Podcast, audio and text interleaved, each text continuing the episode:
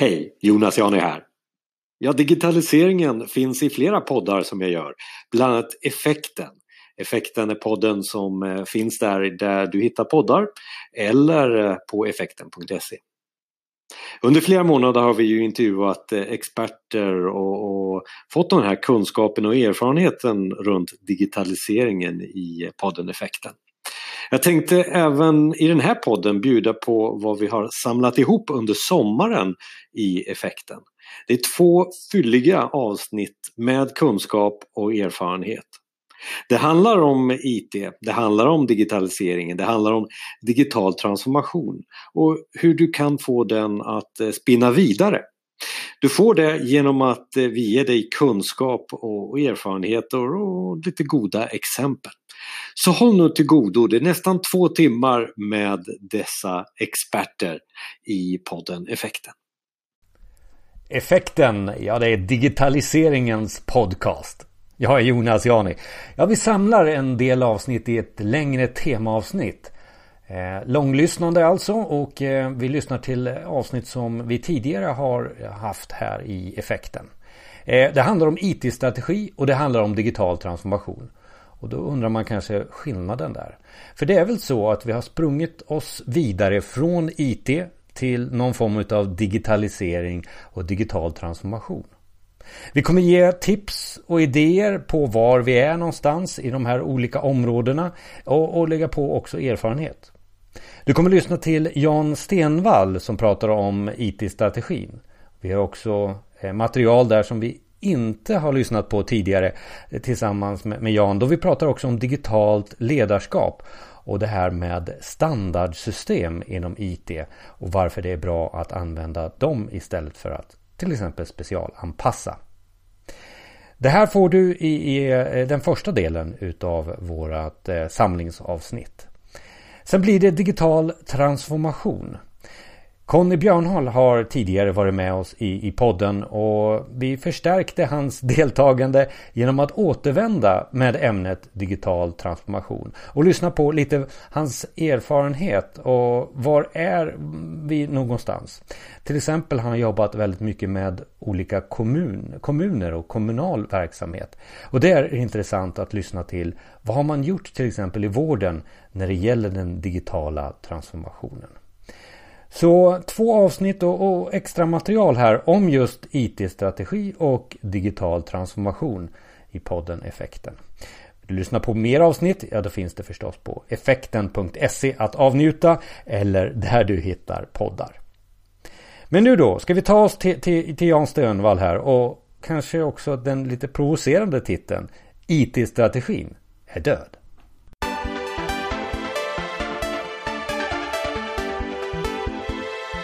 Välkommen till Effekten. Det är vi som optimerar eh, arbetet med digitaliseringen och IT-strategin är död. Utropstecken och kanske flera utropstecken efter det också. Eh, Jan Stenvall, välkommen. Tack. Eh, och, och Janne, det här med eh, den provocerande rubriken på det, här, på det här avsnittet, IT-strategin är död. Så vad är då en IT-strategi för dig och är den död? Eller alltså, ska vi börja någonstans där? Vad är IT-strategi? Vi kan, ju, vi kan ju börja där. Både och skulle jag vilja säga. På många sätt så, så är den faktiskt död. Den har liksom väldigt sällan ett egenvärde. Men å andra sidan kan man ju vända på det och säga att ja, på skruv och mutternivå så har det ju såklart betydelse. Eh, min, min invändning och varför jag ställer mig bakom den här rubriken är just att ja, men det, den får ofta för stor tyngd. Att det är IT, IT och någon strategi därifrån som ska styra vad vi ska hålla på med som verksamhet. Och där, då är man snett ute. Är det gammalmodigt också att säga det? Ja, det är gammalmodigt så tillvida att det, man särskiljer IT från, från verksamhet och behoven som man har därifrån. Man tänker att det, det är rimligt att IT har en egen strategi. Och det är ju inte riktigt så.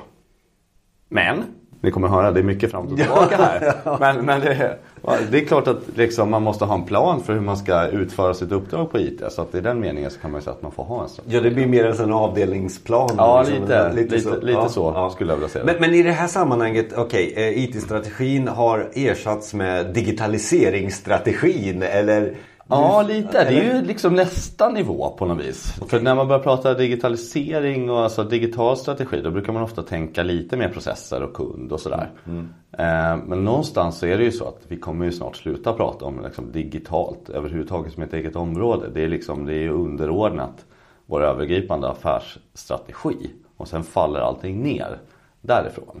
Det är ju inte så meningsfullt att prata om just någonting som skulle vara digitalt när det mesta är digitalt. Precis, och det här med IT är verksamhet, verksamheten är IT. Eh, samma ja. tanke där. Ja, ja det, är, alltså, det är en god tanke som många haft ganska länge egentligen. Mm. Och fortfarande, trots det, så är det vi fortfarande i ett läge där ja, det finns en IT-avdelning, det finns en verksamhet och på många ställen är det fortfarande tyvärr en schism. Liksom, någonstans hade man ju hoppats att det här skulle ha dött med liksom Dilbert 2002. Men det, det, riktigt så är det ju inte. Men, men alltså, vi pratar om eh Alltså jag försöker att se att begreppen har förändrats genom tid också. Så, så att det vi säger var en IT-strategi eller är en IT-strategi. Eh, man pratar lite digitalisering och då kanske man kommer in lite mera på att eh, förädla sina processer med digitalt. Mm. Eh, ehm, men vad, vad är det som säger att vi inte kommer byta det här? Byta begrepp igen? Det kommer vi antagligen göra. Alltså det finns ju en uppsjö av sådana som, sådana som jag höll på att säga. Men, men Alltså som man gärna vill sätta en, en ny enkel etikett på någonting som tyvärr blir, totalt sett blir det ju rätt komplicerat om man ska försöka ge sig på allting. Mm, mm. Om det är ett stort företag och ska ha en ny övergripande strategi så ska det här tratta ner hela vägen. Mm. Det är klart, sitter du en bit ner där så vill du också gärna ha något som känns lite enkelt. är, det, är det jobbigt för ledningen att det hela tiden ska ändras där med, med digitalt och IT? Mm, alltså, ja, man vill ha, man vill, Kan vi få strategin av er? Eller där borta? Ja, det tror eller? jag nog faktiskt. Mm. Att man inte, det kan ofta vara svårt att se den kopplingen faktiskt. Mm. Men vi håller ju på med, med det här, vad det nu än skulle kunna vara. Bygga skruvmejslar eller ja, sköter trädgårdar eller vad det nu skulle kunna vara. Vad, vad, som helst egentligen. Det är liksom lite för långt bort från det vad jag egentligen håller på med. Mm. Men då har man missat lite poängen. Mm. För min poäng är nog att, nu, nu byter jag lite spår här. Men det är att digitaliseringen i stort påverkar i stort sett allt vi gör. Alltså alla processer i ett, inom en företag en organisation. Vi kan förändra och förbättra i stort sett allting. Med hjälp av digitala verktyg och, och lite nya sätt att jobba. Det låter ju som att ja, man är väldigt frälst kring det här men det är så. Och det, och det är väl lite där det handlar om att det är ju att förändra till någonting bättre. Man vill gå vidare. Och jag menar eh, när vi har pratat vidare om IT och vi har pratat vidare om digitalisering så kommer vi snart in på innovation och då blir det riktigt spännande för att komma till nästa nästa steg. Liksom. Ja så är det ju verkligen. Mm. Eh, och jag, jag, brukar se det där som två steg. Alltså, eller som två, två sidor av myntet. Så säga. Det ena är ju Alltså mer en evolution. Vi gör ungefär samma sak fast smartare med hjälp av digitala verktyg eller ja, mobila verktyg eller nu då som vi pratar mycket om AI i olika former. Men det kan vara ungefär samma sak som vi gör idag.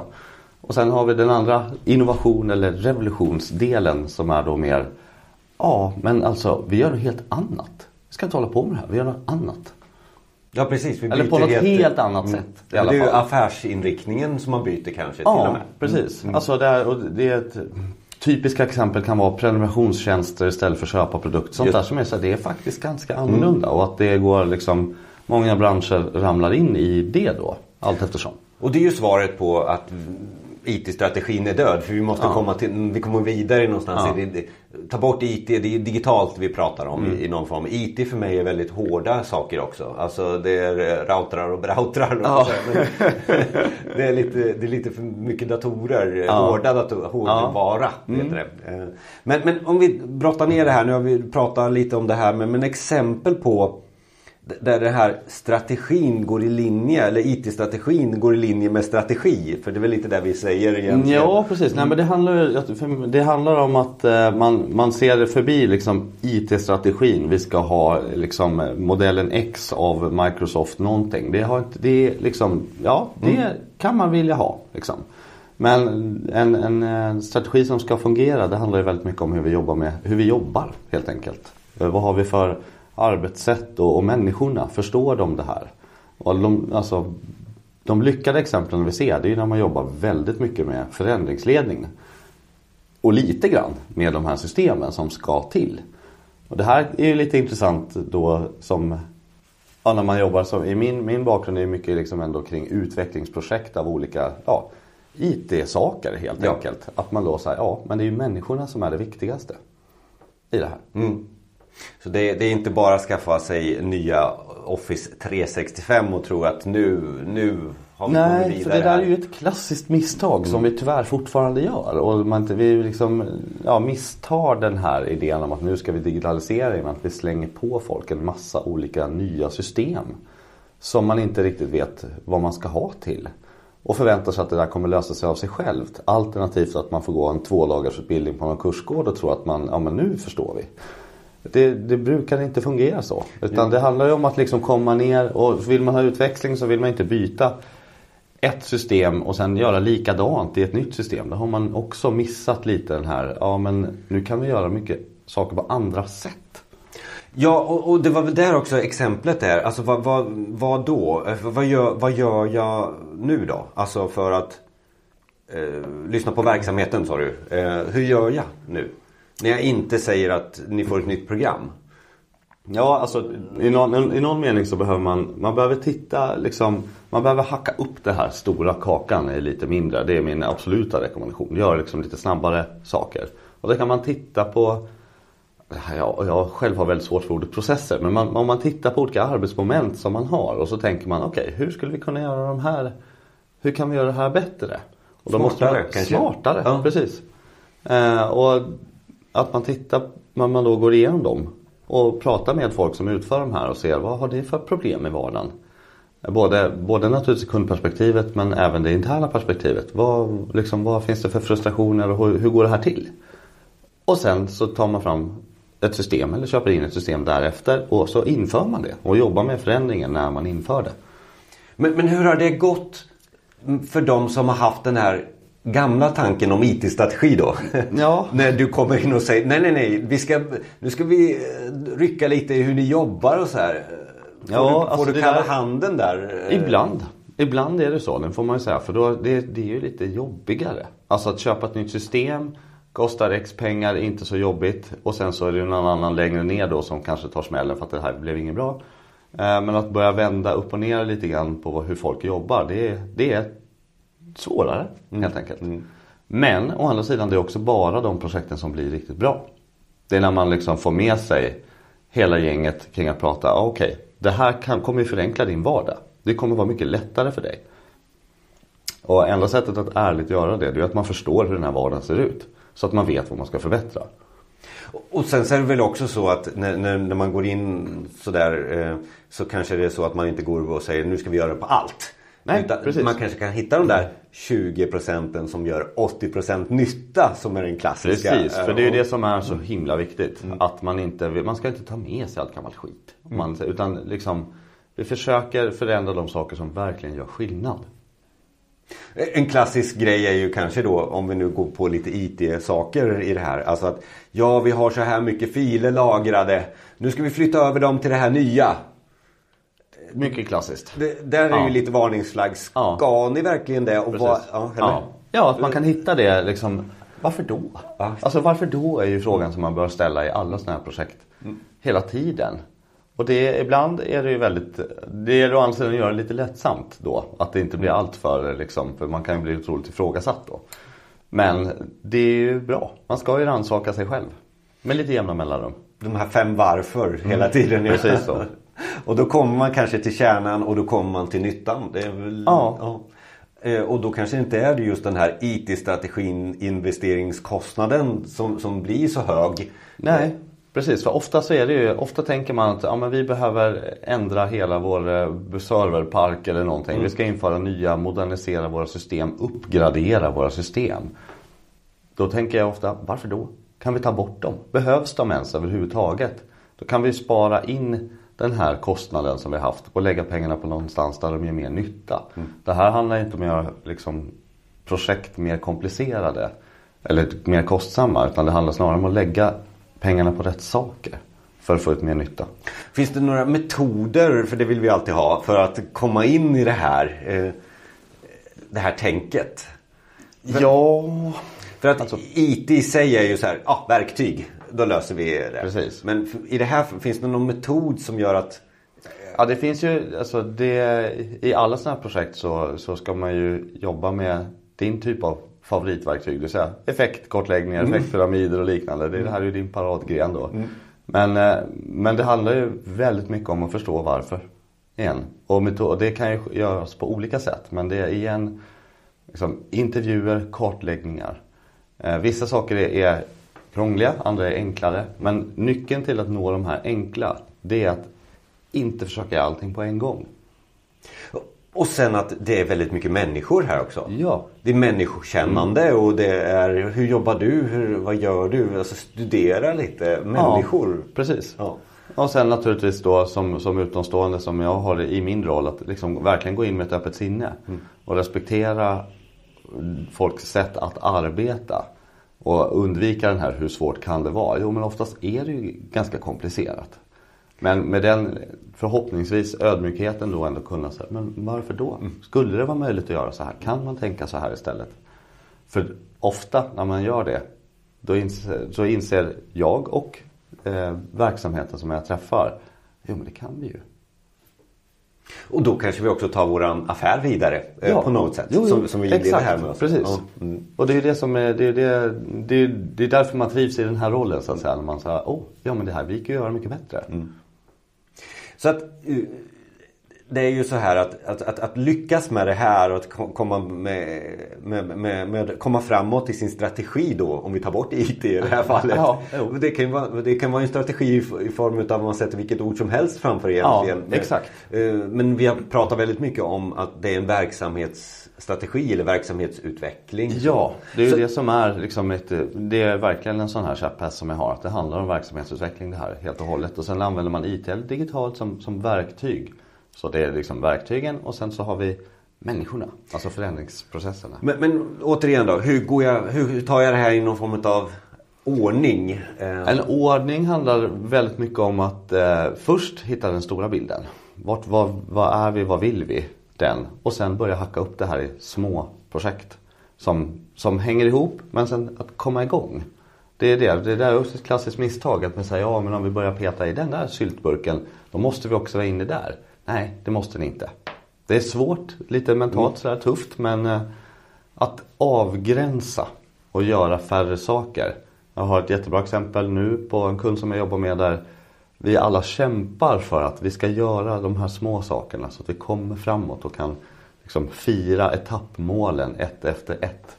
Och det hela tiden kommer in, ja men var, aha, blev det bara det där nu? Man vill ju så gärna lösa alla problem med ett magiskt trollslag. Så, så det handlar om att eh, hacka ner och göra en liten bit först. Eh, är det så att den lilla biten skapar någon form av eh, iteration till nästa och nästa? Ofta så är det ju så. Eh, och ibland så kan den lilla biten vara, vara en, en av verkligen avslutad del. Men man önskar ju att den hade innehållit allt det där som man ville få med från början. Men de projekten de lyckas väldigt sällan. Det, det blir lite, man blir aldrig klar. Eh, man vill köra en husliknelse så är det mycket bättre att sätta upp huset och sen flytta in. Och först senare fundera på att inreda vinden och sådär. Det är liksom, Annars så får du stå där och bo på gatan fortfarande som det i många fall handlar om då. Så att det är mm, små, små steg framåt men samtidigt ha, vi, vi vill åt det här hållet. Och och man ska väl också kanske titta lite på vad händer runt min omvärld i, i branschen och få hjälp utav ja, konsulter. som- Ja, som nej, men alltså, på något sätt behöver man absolut ta, ta in det här. Det, det kan ju bara, liksom, ska inte sitta och sälja oss själva allt för hårt här. Men, men det är ju mer att, ja, sådana som vi eller på annat sätt ta till sig det här. Ehm, viktigt att hitta balansen mellan hur ofta man omvärderar och att man faktiskt får någonting gjort. Finns också en risk att man sitter och bara, nej men oj jaha nu händer det där, då måste vi byta plan här och sen då kommer man ju ingen vart. Nej. Så att steg ett eller de första stegen här handlar väldigt mycket om att ta ner det i liten pajbit. Titta lite på vad andra eh, gör. Eller få lite inspiration kanske Ja, till och med. ja. Behöver inte göra...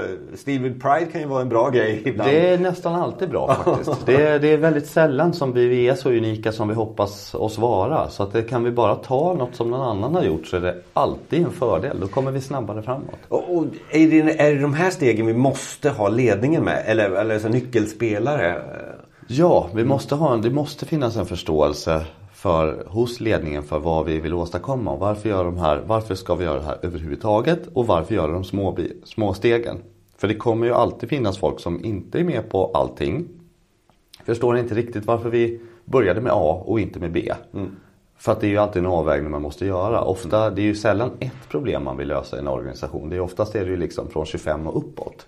Och alla har sin agenda. Och det var många år sedan vi tog i det här. Det var många år sedan vi gjorde det här. Det har ju aldrig funkat och sådär. Och det kommer inte gå igen heller. Så. Ja men ledningens stöd. Ja, ledningens, nyckel, ledningens nyckel. förståelse. Ja, men idealt så ska det ju drivas av ledningen. Det visar ju även forskning att det är liksom de mest lyckosamma, det är där ledningen driver de här frågorna. Men verkligheten ser inte alltid ut så. Men då är det viktigt att man har en ändå tydlig liksom, buy-in som man säger från ledningen för att ah, men det är det här vi ska göra, det här är rätt sätt, att, rätt väg att gå. Så att den här pajbiten eh, eh, och, och, och, få ihop eh, omvärldsbevakningen där och ledningen. Det är starten. Men alltså nu, ska vi, nu, nu rullar det här då om vi säger så. Nu, mm. nu kommer vi till någon, ah, mitten utav ja, den här. Mitten. Ja. Eh, det här. Nu börjar det rulla saker. Ja. Alltså behöver jag, eh, hur, hur, får jag kvitto på att jag lyckats eh, i det? Alltså förhoppningen är att det blir ganska tydligt att du lyckas för att du lyckas. Ja, du har ju dina, dina vanliga verksamhets-KPI så att säga. Hur många utestående ärenden har vi? Hur många öppna ärenden? Går det där ner eller går det upp? Mm, alltså det är det, ja. Man vill ju helst inte utvärdera projekten i sig utan man vill utvärdera verksamheten. Alltså mm. går det bättre? Mm. Um, men jag vill komma tillbaka till lite grann hur ofta man ska omvärdera. Så ska man ju omvärdera lite då och då. Även när man är mitt i. Inte hela tiden men Lite då och då, mm. även när man är mitt i. Man får inte vara för fast, allt för fast vid målet. Vi ska dit och allting har ändrats runt omkring men nu kör vi. Och du kanske det också, att mäta handlar kanske inte bara om hårda grejer utan det kan vara mjuka attitydsundersökningar. Eh, ja. Hur, hur, tycker ni att det ja. är? Ja. Alltså en sån öppen fråga. Ja, eh, eh, ja så är det eftersom vi, ja, särskilt när vi pratar om att förbättra liksom, interna sätt att arbeta så är det klart att man måste tycka att det är bättre.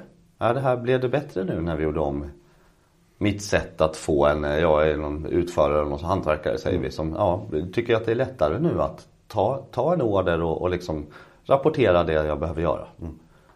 Jaha, okej. Okay. Eh, nu har vi gjort den fasen. Eh, är vi klara nu då? Eh. Nej, man är, ju, man är ju aldrig klar. Det är det där som är liksom, det är både frustrerande ibland för man känner så här, ja men Jämför, jag tar det här husbygget igen. Ja men vad fint, nu är huset färdigt. Kanon. Ja fast så funkar det ju inte riktigt i den digitala världen. Man blir ju aldrig klar. Mm. Det, det, liksom man, och det, det är också ett mindset. Jag har otroligt svårt för ordet förvaltning till exempel. För att det, det tyder lite på att man har någonting som är färdigt och sen ska man pilla på det och se till att det funkar. Mm. Men nej, det, det, finns inte. Det måste liksom hela tiden vidareutvecklas och, och jobbas vidare med. Och då börjar man nästan egentligen på samma, ja. som när vi började mm. diskutera den här listan. Då, ja. Och så gör man om den fast den här gången så är man kanske mer varm i kläderna. Ja, man har ett annat, man har ett annat nuläge om inte annat. Men, men det här är ett ord för det här och som har funnits i all, alla tider egentligen. Eh, förändringsledning. Ja, alltså det här handlar ju om förändringsledning. Det är ja. ingenting nytt. Mm. Alltså det här, jag ser inte det här som någon, det är ingen större skillnad på det här än när liksom ja, datorerna kom och hur man börjar jobba med dem. Nu, nu, pratar vi, nu har vi de digitala verktygen då som, som möjliggör all den här förändringen. Men det här är en form av ja, en industrialisering eller elektrifiering eller liksom det, det här är ett nytt sånt skede och då måste man jobba med förändringsledning. Och det är nog första gången, eller nu de senaste åren, som det här var moget att säga förändringsledning. Ja. För att IT-strategin är död. Ja, Ja men, ja, ja, men det, någonstans är det så. Det har mm. tagit så här lång tid. Men det, nu ska jag inte ta gift på det här. Men går man tillbaks och tänker på när liksom, elektriciteten kom. Så det var ju säkert likadant. Fast det var en annan era. Det tog ju jättelång tid innan man förstod vad man skulle ha det här till. Det kan ju inte vara relevant för mig för vi håller på med kolbrytning eller vad det nu skulle kunna ja, vara för någonting. Ja. Det kommer vara världen framåt. Kolbrytning. Ja. Någonting så här på slutet så, som vi, vi har glömt här nu. Mm. Jag tycker att vi har tänkt, eh, täckt eh, ganska mycket. Det, är liksom, det handlar om att eh, se hela biten. Komma igång. Inte fastna i att liksom veta allt. För man vet aldrig allt. Så liksom kort förstudie egentligen. Och sätt igång med saker och utveckla saker. Test, våga testa saker. Så det handlar ju om att vara liksom lite mer agil eller lite mer rörlig i det här. Lite mer snabbfotad och lite mer rörlig. Ja, det är konsultklyscha men det stämmer ju också. Det är så. Vi kommer lägga in lite länkar på effekten.se Jannes kontaktuppgifter, Jan Stenvalls kontaktuppgifter kommer finnas där på effekten.se. Tack så mycket. Tack!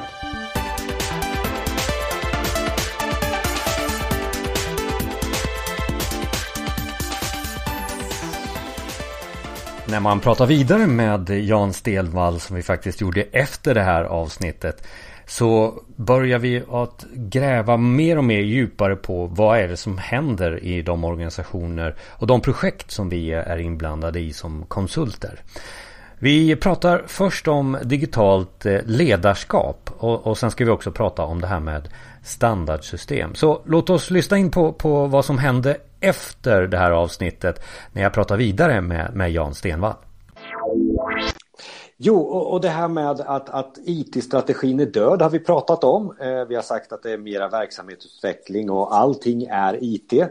Eh, och när man kommer in i organisationer så, så, kommer man oftast upp i ledarskapet. Det är klassiskt inom verksamhetsutveckling. Ledarskapet måste vara med, cheferna måste vara med. Och, och det digitala ledarskapet här, skiljer det sig ifrån det övriga ledarskapet? Alltså, några tankar där, Janne? Ja, både och, som, som så ofta när jag får frågan. Men vi sa ju förra, förra gången vi pratade så sa vi att det digitala snart genomsyrar allt. Och det är en förhoppning att det även gäller ledarskapet. Vad det handlar om mycket, det är ju att liksom våga anamma förändring, göra saker på nya sätt. Och huruvida det liksom knyts till titeln digitalt eller inte, det är ju en, det är närmast en filosofisk diskussion. Men, men det, det, det digitala ledarskapet måste väl vara att man på något sätt visar på, på exempel. Titta, jag kan också, då behöver du, du som, som medarbetare även följa Ja, mitt. absolut är det så. Det är väldigt viktigt. Dels att man slår fast att nu ska vi göra så här på det här sättet om vi ska ja, införa, införa ett system eller vad, vad det nu är för. Och sen att man då faktiskt använder det. Jag menar om, om din vd sitter på slack, ja men då gör du också det.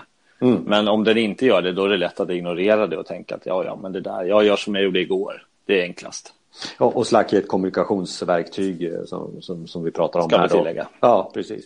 Eh, men men, men eh, vad du också säger här mellan raderna är att okej, okay, ledarskapet ska inte anse att digi digitalt och IT är någonting som går vid sidan om, utan det är ju någonting som även berör ledarskapet, därav digitalt ledarskap. Då. Ja, precis. Det är ju det där. Vi är förbi det där som att det kan gå vid sidan av eller någonting som händer någon annanstans. Utan det är någonting som ändå måste genomsyra allt man gör. Och en viktig del av det som man gör i en organisation är ju, kretsar kring ledarskap. Att få folk att göra, så att säga, eh, peka ut en riktning och få folk att, att gå dit eller göra det som krävs för att komma dit. Och, och, mitt inspel här, och du får väl bekräfta också, det är väl att oftast när, när, man ska göra någonting som har med något digitaliseringsprojekt att göra eller eh, utveckla någonting som, som har med, med, med något ja, verktyg kanske att göra eller en lösning så är det jättesvårt att få tag i beslutsfattare. Eh, för det är ju ändå de som ska bestämma inriktningen, kanske inte detaljerna men inriktningen.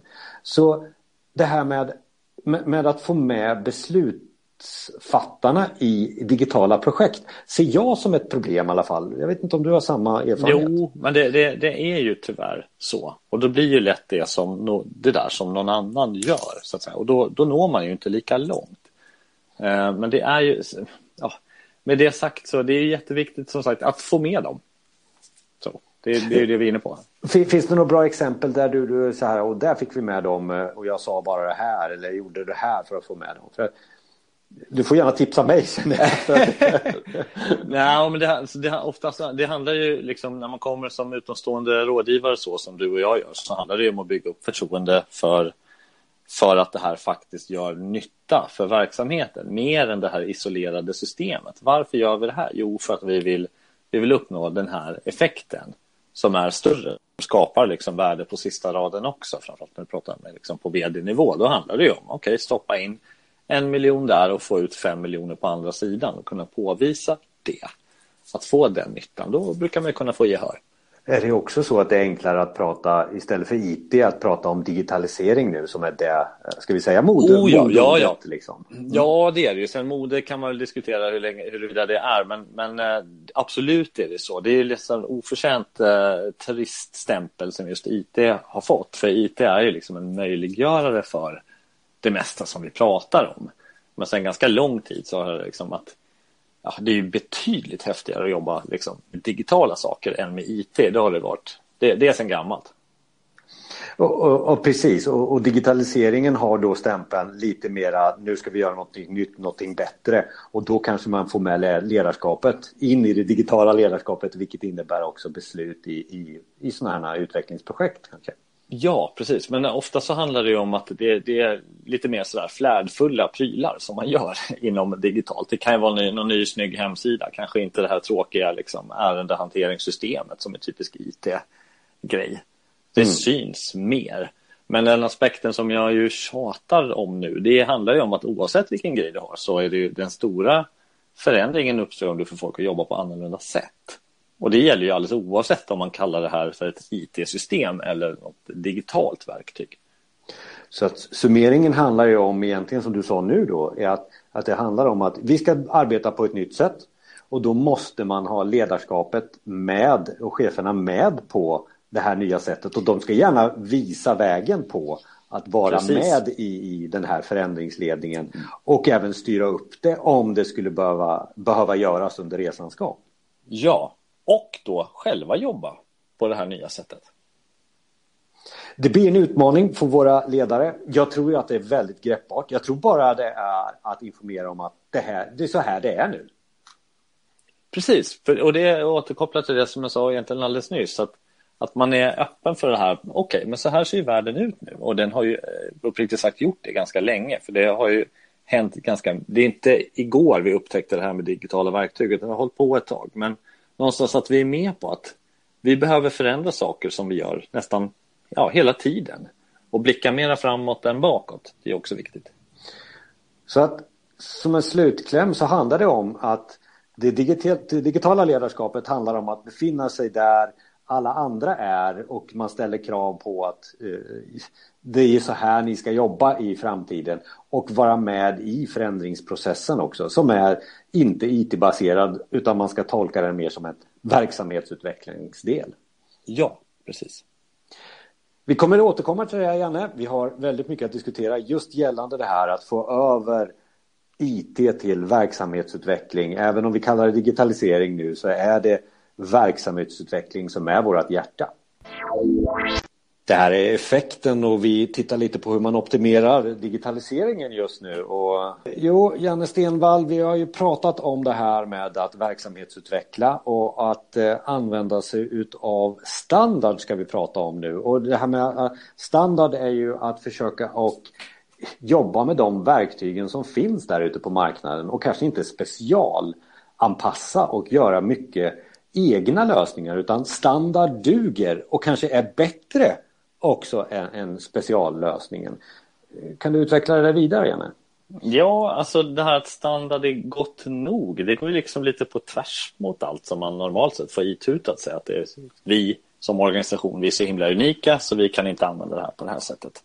Men lite grann vad man går miste om då, det är ju att det har hänt väldigt mycket inom ja, IT och digitalt. Så att de här, så att säga, det som man förr kallade standard, de är väldigt, väldigt bra idag. I många fall. Vi kan prata dokumenthantering, vi kan prata publiceringsverktyg för externa webbar och sånt. Sånt är ganska liksom färdigt. Sånt behövde man utveckla förr, så är det inte längre. Och den lite provocerande titeln här kanske om att det är bättre att hoppa på något nytt standard än att ta sitt gamla. Det handlar just om det. Om att komma på banan snabbare och att kunna lägga krutet på att faktiskt få ut nyttan av det här systemet snarare än att lägga krutet på att utveckla en massa specialare. Fast det här tycker jag ju att eh, de, när man är ute som konsult att man har haft det här mantrat nej vi ska hålla oss till standard, vi ska hålla oss till standard, har funnits i flera år. Men va, va, vad säger du nu att det har blivit för att man har aldrig lyckats med det här. men, Nej, men, och det är ju men, naturligtvis är en utmaning även nu. Ja. Alltså inte allt, men mycket är moget. Väldigt mycket har blivit väldigt mycket bättre. Eh, så det liksom och det räcker för de behoven. Man har kommit liksom till den nivån där det räcker för de allra flestas behov att använda standard. Det finns naturligtvis undantag, men det handlar lite grann om att komma snabbare framåt också. För snabbhet är ju något som vi pratar om väldigt ofta i digitala sammanhang. Att om du inleder ett projekt nu och kommer ut om tre år, för då har du gjort klart alla dina specialfeatures, då är det liksom redan för sent.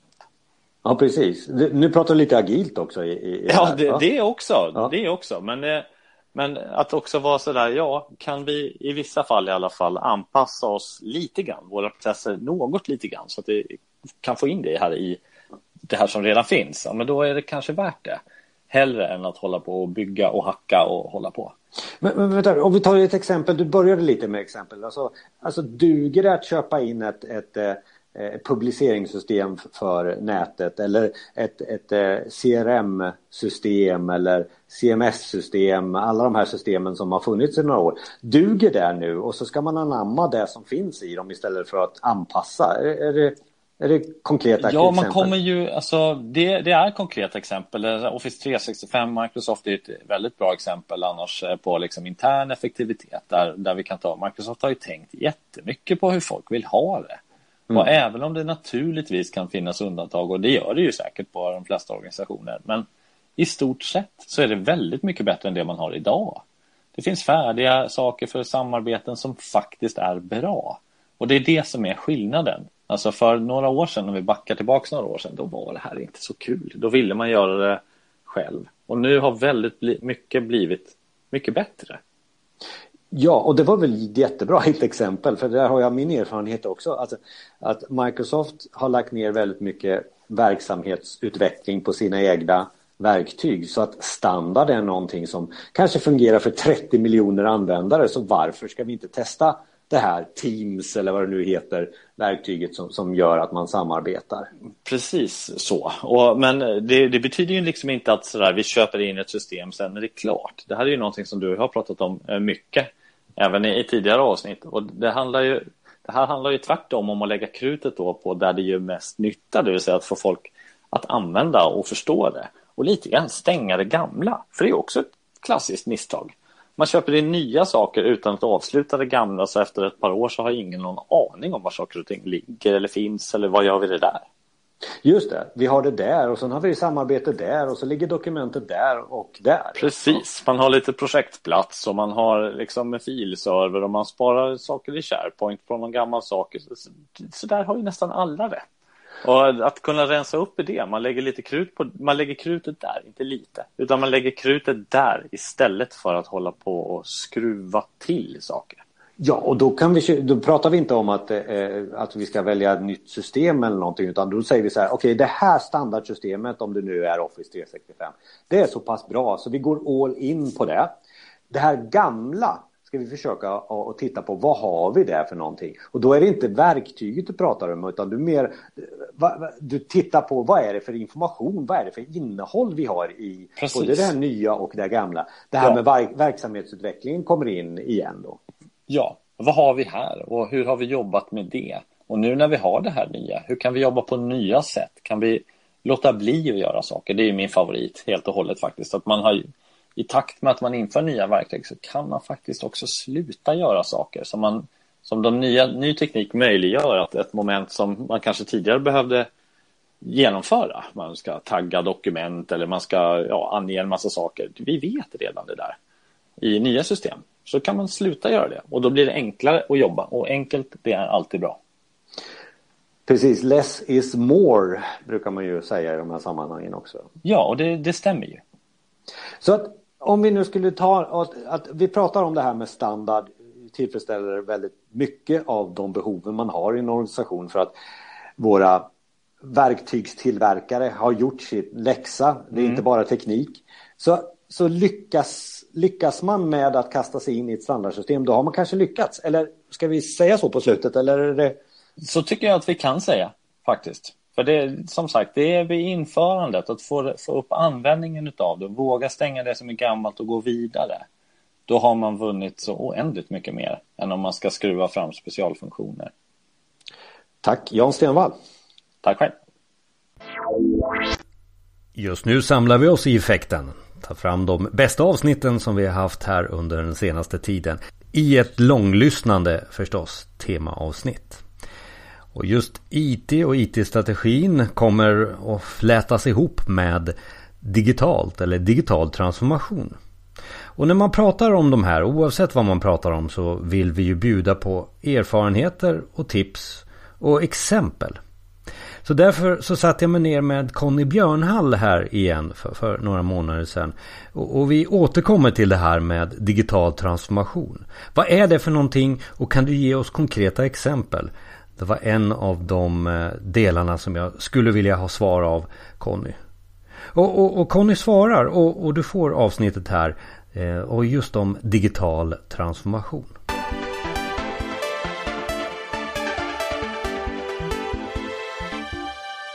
Välkommen till Effekten. Ja, det här med digital transformation har vi pratat om eh, ett tag nu och vi är ju redan digitalt transformerade så vad händer nu Conny Björnehall?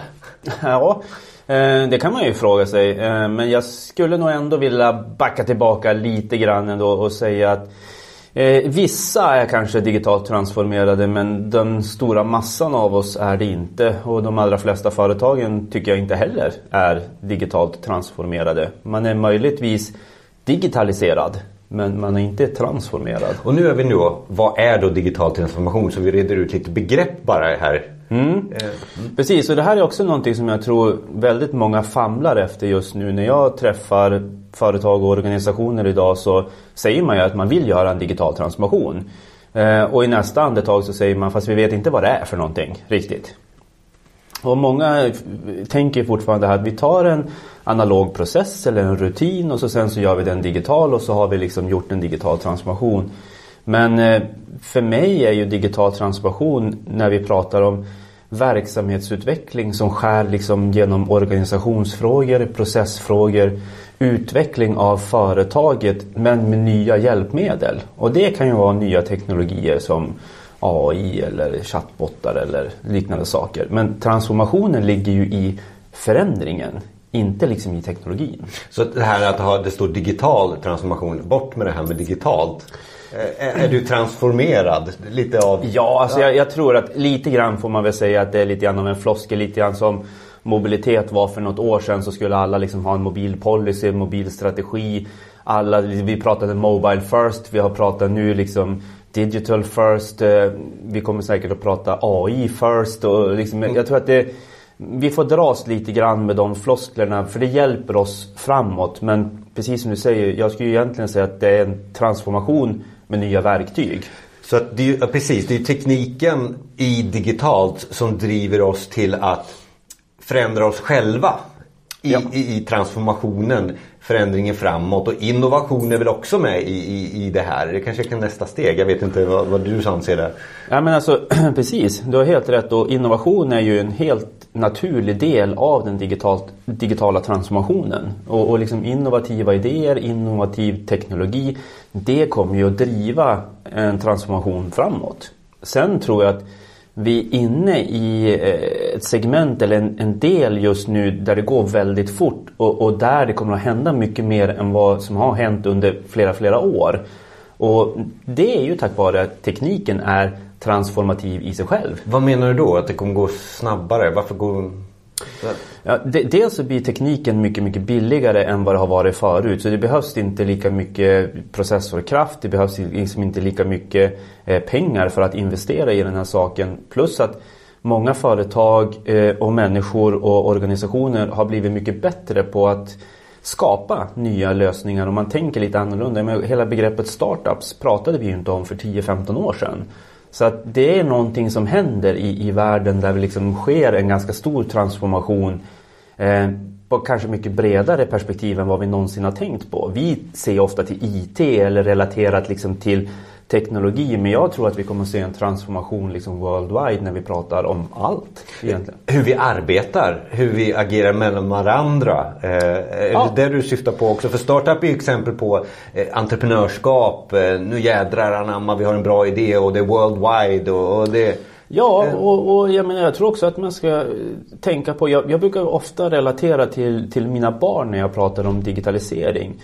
Och jag tycker det är ganska komiskt liksom, för vi står liksom födda på 50, 60, 70-talet och pratar om att vi ska lära företag att göra en digital transformation.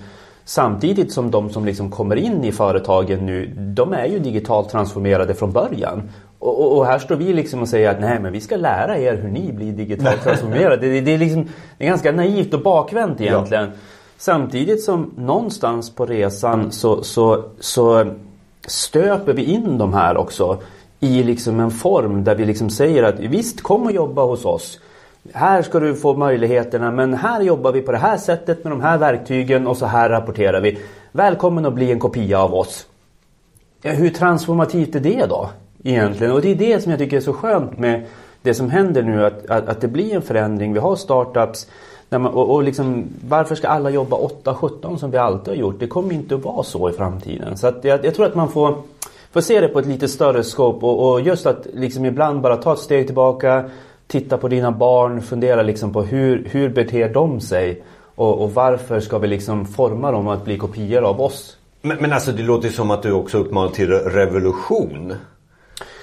Det är kanske lite starkt eh, ord så men jag tror däremot att vi, vi, eh, vi ska inte tro att vi själva alltid har rätt och att det sättet som vi har bedrivit saker och ting på alltid är det bästa. Utan ibland måste man faktiskt fundera, är det någonting av det här som händer nu som vi faktiskt borde anamma och som vi också borde vara öppna för. Och jag säger revolution för att provocera eftersom mm. om jag är företagsledare så kommer någon in och säger nu måste vi ändra på allt. Nej. Nej. Nej, det vill man ju inte helst. Samtidigt så vet vi ju det att de företag och de organisationer som har gjort det har ju oftast lyckats och liksom verkligen nått då en transformation eller en disruption också av en bransch eller en teknologi. Men sen måste vi också komma ihåg att det är ju väldigt många av de här nya startupbolagen eller nya lösningarna som misslyckas också. Som, som liksom går i konkurs eller som aldrig liksom får något fotfäste. Och, och därför så tror jag att den här mixen mellan den strukturen och den ordningen som vi har och den här nya disruptiva teknologin och entreprenörskapet som du pratar om. Den mixen Får man ihop det, då kan det bli riktigt lyckat. Och då är det ju så här att, okej, okay, vi har pratat digital transformation. Det borde ju finnas exempel här. Ja, ja men jag, jag kan ju börja med ett, eh, ett lyckat eh, exempel som, som jag tycker ändå är en digital transformation. Och, och det finns liksom exempel, jag, tänkte, jag kan ta ett lyckat exempel inom inom kommunal verksamhet och ett misslyckat exempel så kan man liksom få höra lite mm. grann kontrasterna däremellan. Och det första exemplet är eh, när man tittar på ansökningar Alltså ansökningar för att kunna få bidrag. Och ett problem som man har inom kommunal verksamhet är oftast handläggningstider. Själva handläggningstiden är väldigt lång. Eh, så det man gjorde i, i den här kommunen det var att man gjorde en, en robotprocessautomation av ansökningsprocessen. Eh, och det man också gjorde det var att man tänkte om lite grann. För att idag så är en ansökningsprocess oftast utformad för att man egentligen ska ifrågasätta om den ansökande har rätt till det här eller inte. Eh, det man gjorde var att man tänkte istället som att man utgår från att alla har rätt till det här bidraget. Men är det så att man stöter på liksom en avvikelse så då ska systemet flagga för avvikelserna. Och så sen la man in det här då i en robotprocessautomation som man sen kopplade artificiell intelligens till. Eh, och det här gjorde liksom att 80% av alla ärenden bara rann igenom. Eftersom det var helt okej. Okay. De, de, liksom, de var berättigade till det här. Behövde inte ha några handläggningstider. Så man kapade liksom handläggningstiderna med två veckor. Bara genom att göra en processautomation. Så man fick både högre kvalitet, mindre arbetsbelastning och, och naturligtvis då de som ansökte fick ju snabbare hjälp. Mm. Så det tycker jag är ett ganska bra exempel på hur man inte behöver göra det så himla krångligt utan bara liksom tänka lite nytt, införa en ny typ av teknologi för att i slutändan också hjälpa kommuninvånarna. Det är ju det som är själva målet med det här. Det är ju inte liksom att införa robotprocessautomation utan det är ju få, få ner handläggningstiderna och få ett beslut. Och, och en process, process, som alla känner till också, handläggning som, som ja. kräver väldigt mycket Precis. Det som inte har lyckats då? Det... Ja, precis. Vi kan ta ett annat exempel då som också är ganska kul. Det är också då in, inom kommunala sektorn och då är det, pratar vi inom socialtjänsten där man nu har ett, ett man vill liksom införa trygghetskameror. Och det här är ganska många som, som gör det just nu. Och ehm, eh, jag pratade med en socialtjänst och man införde de här trygghetskamerorna. Eh, och jag frågade liksom, hur funkar det nu då? Liksom, hur, hur går det? Ja, det gick inte så bra. Eh, och då frågade jag liksom, vad är det inte som funkade bra då? Ja, alltså vi ser ju om personen ramlar eller inte. Problemet är ju att när personen ligger och sover eller ligger i sängen så har vi ingen aning om personen ens lever. Och det är klart att det är ju en liten nackdel. Då tillför liksom inte trygghetskameran så hemskt mycket. Men de har ju köpt kamerorna. De ska ju lösa det här, eller? Ja, och de ja. har ju digitaliserat också. Ja. Så att jag menar, man har ju faktiskt gjort någonting. Eh, men det blev ju inte riktigt rätt. Och, och jag frågade då en följdfråga liksom. Vad, vad, känner ni själva? Vad var det liksom som har gått tokigt i det här? Var, varför liksom varför känns det inte som att ni har kommit i mål med lösningen? Och, och det var ju just därför att det man har gjort är att man har ju sett att trygghetskameror, teknologin trygghetskameror är bra för socialtjänsten för det liksom kan möjliggöra att det är lättare att övervaka, det krävs mindre personal, man blir effektivare, ökad säkerhet. Men det man inte gjorde det var ju att ta ett steg tillbaka och, fungera, och fundera på vad är det vi ska lösa för någonting? Va, va, vad är det för problem vi har? För problemet är ju liksom att vi vill veta om patienten lever och att patienten inte ska ramla och slå sig och ligga och ha ont utan att vi känner till det. Så att hade man gått tillbaka och liksom sett den problembilden då hade man ju också kanske upphandlat en kamera som hade haft till exempel värmesensorer eller man hade haft sensorer i sängarna eller man hade liksom haft helt andra typer av mätvärden. Så, så återigen liksom gjorde man det här, man genade lite grann man gjorde en digitalisering men man misslyckades med att göra transformationen och liksom titta på vad är det vi ska lösa för något. Man hade sett att det här är ett bra ämne eh, eller verktyg eller ja. det är någon annan som har haft det. Då borde det vara bra hos oss också. Nu köper vi. Precis. Vad hade ni köpt för märke sa ni? Eh, eh, så går man ut och upphandlar en ja. teknik eller ja. liksom frågar tillverkarna istället för att kanske då fråga till exempel de som jobbar med att sköta patienterna. Vad, vad, liksom, vad skulle du behöva för att kunna göra det här remote? Det är precis som vilket annat inköp som helst privat. Om jag köper en bil ska jag inte köpa den bil jag inte behöver. Vad är det jag använder den till? Mm. Och, och, det är därför det, det som är så konstigt att man kan ju tycka att det borde vara självklart att göra så men, men det är oftast här vi gör de här små misstagen och små felen. Och det har väldigt mycket också att göra med att vi har liksom inte riktigt landat i den här jag brukar kalla det för digital mognad. Man, saknar liksom den här digitala mognaden eller har inte den här digitala kulturen. Så därför blir det liksom att man tänker lite fel. Men du sa ju att den nya arbetsstyrkan med nya generationen är mer digitalt mogna. Ja. Eller? Så Kommer det bli bättre då på den frågan? Ja men det tror jag absolut. Mm. För man är, man är van att, agera på ett helt annat sätt och, och, man kommunicerar inte på samma sätt som vi gör och man är också en, en integrerad del nästan skulle jag vilja säga av, av liksom den här digitala världen som, vi, som håller på att växa fram. Så jag tror absolut att det kommer att bli bättre. Problemet är att det kommer att ta ganska lång tid innan de sitter i beslutsfattande ställning på, på företag och organisationer. Och hur leder vi dem ja. Eh, under den här tiden? Det är kanske är det som är den digitala transformationen. Hur leder vi alla framåt? Ja, och, och, och, det är också det som jag tror är en jättestor utmaning. För jag är inte helt övertygad om att vi ska leda dem. Eh, det är klart att vi ska, vi, vi ska, vi ska liksom coacha dem och vägleda dem. Men frågan är liksom jag tror vi ska vara väldigt rädda så att vi inte styr dem. För då kommer vi liksom att forma dem i, i våra fotspår och det är ju det vi inte vill egentligen. Det, det här är jätteintressant och det, det, handlar ju väldigt mycket om, eh, vi har tagit upp det några gånger mm, tidigare i podden, eh, förändringsledning och, och, ja. och vara med och, och, och, se det här som en möjlighet och man förändrar kanske företaget till något helt annat än vad, det, vad vi gör idag. Mm. Eh, kanske inte med trygghetslarmen då, de kommunala verksamheterna. Men om vi tar den privata sektorn. Eh, att det kan vara, jag brukar ta i det här sammanhanget, jag brukar ta det här exemplet med gamla gamla Nokia när de gjorde gummistövlar. Och, ja. och sen så en annan dag så gjorde de mobiltelefoner. Det är väl också ett exempel på vad man kan hitta i den här transformationen. Ja. Eh, så. Vi har ju de här andra exemplen som vi alltid tar med Uber och sånt här. Men det är en annan grej också. Det... Jo, jo, precis. Det är en helt annan bransch. Men jag tycker det är ett jättebra exempel. Liksom, Nokia, när man visar på att man, man kan kliva helt och hållet utanför sin comfort zone och, och, och göra någonting som, som ingen kanske förväntade sig att man skulle göra. Och, och det är inte det kanske man ställer sig det första man gör heller när man ska... Nej, Nej. Det, så är det ju inte. Och, och det är ju här vi har en utmaning nu också för de företag och organisationer som vänder sig till oss funderar ju då, ja men hur gör vi?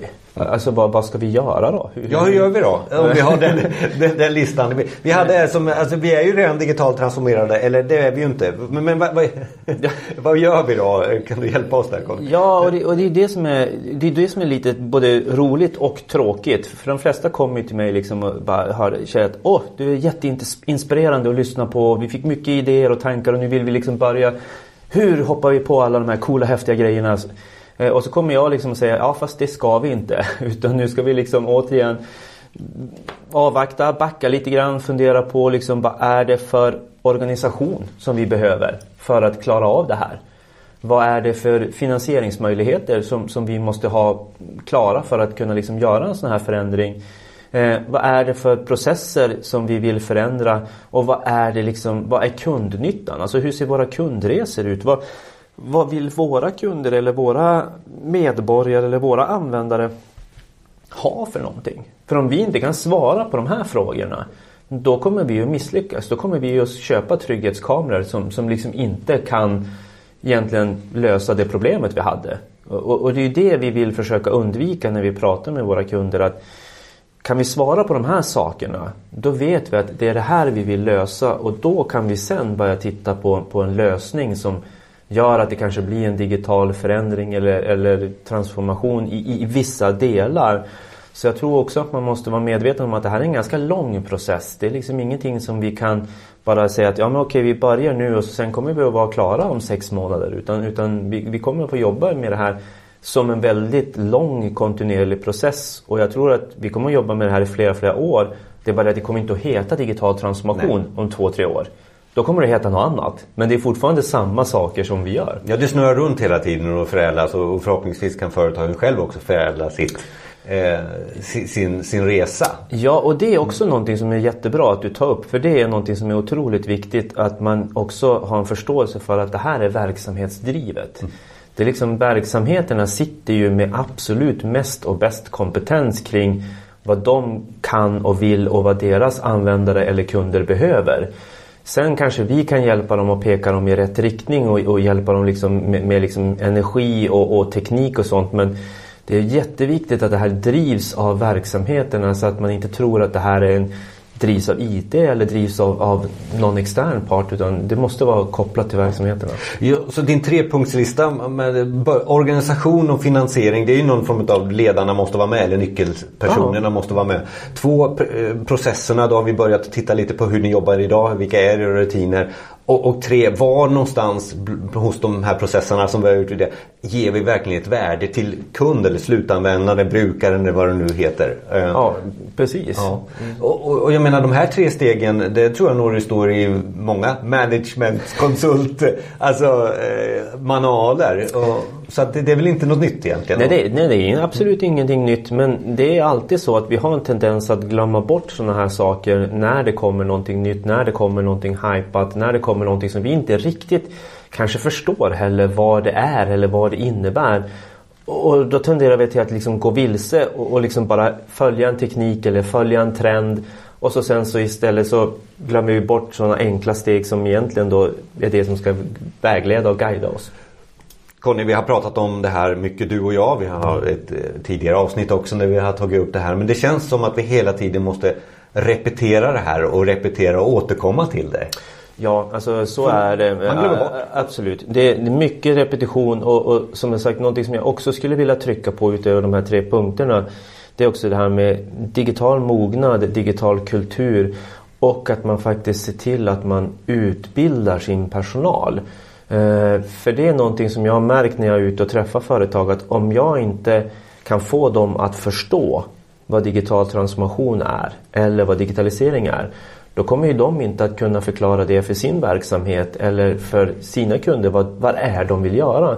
Så det är också jätteviktigt att man utbildar så att man har en samsyn så att vi vet liksom att det här är våran syn på digital transformation kanske inte säga att den är exakt likadan som det här bolaget eller det här bolaget men, men vi måste åtminstone ha en samsyn så att vi inte står där och har chefer som säger olika saker. Vilket är ganska vanligt faktiskt. Jag hör också du säga, det, det är inte jag Conny, som kommer lösa det här, den här digitala transformationen. Det, det, är ju ni. Och, och då är det det här, då är det personalen jätteviktig. Ja, det är det. Och vi måste liksom hitta de här eh, digitala eh, ambassadörerna som finns ute i verksamheten som liksom kan driva och hjälpa det här när vi inte är där. För, för liksom vi kan hjälpa och stötta men företaget måste göra den här resan själv. Och om man nu inte har de här ambassadörerna eller inte har rätt kompetens, ja men då är det det som är en av nyckelfrågorna. Det innebär ju att vi kanske måste lyfta in ny typ av kompetens i våra företag. Vi måste kanske ta in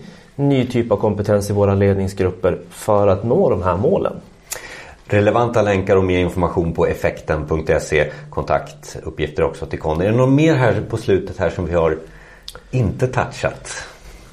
Nej, men jag tror att vi har hunnit med det, det mesta egentligen. Utan eh, jag tror att med de här råden och, och liksom det här tankesättet så kan man nog hitta rätt. Även liksom vad man än gör. För alla har en möjlighet att göra någonting positivt. Det gäller bara att man inte har för bråttom och att man liksom gör det på rätt sätt tycker jag. Tack Conny. Tack så hemskt mycket.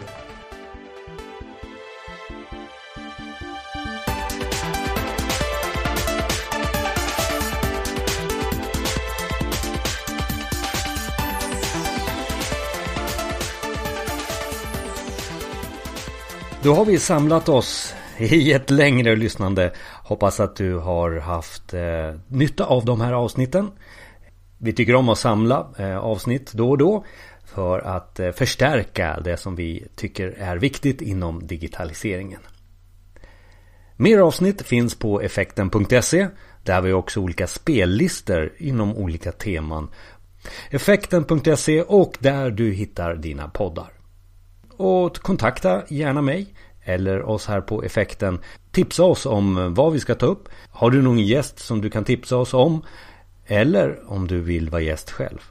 Info effekten.se är en del som du kan kontakta oss eh, via. Alltså info effekten.se. Vi finns också på, på LinkedIn. Effekten.se är sajten. Jag är Jonas Jani. Vi hörs nästa gång.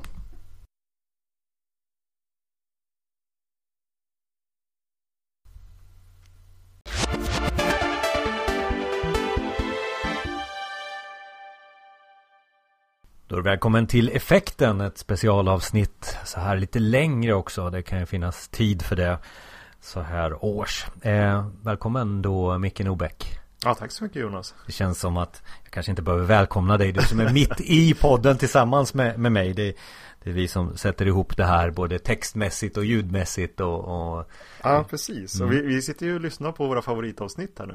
Ja, precis. Och det är lite där vi, det handlar om, temat här. Eh, för att nu när vi har temat digitalisering så, så, känns det ju så här att inför det här avsnittet så pratar vi om det här. Och eh, det här med digitalisering det kommer vi aldrig bli färdiga med. Det har vi väl konstaterat nu, eller? Nej, precis. Jag funderar på hur länge det har pågått. 30, 30 år var det någon som skrev. Ja, det är nog så. Mm. Och det kommer, ja, det kommer nog fortsätta. Mm. Vi kan mm. ju inte gärna bli mindre digitala. Nej, det är svårt. Det är svårt. Och, och jag menar, den här poddens eh, hela syfte är ju att försöka sprida kunskap runt omkring digitaliseringen. Och det är inte så att vi kommer lämna iväg kunskap utan man får ju förkovra sig lite mer. Eh, och de avsnitten som vi nu har samlat, för vi gör någon form av greatest hits och vad vi tycker har varit bra under de senaste, senaste gångerna vi har haft eh, avsnitt här, eh, det halvåret här. Eh, eh, handlar egentligen om det här hjälpen att komma vidare på något sätt.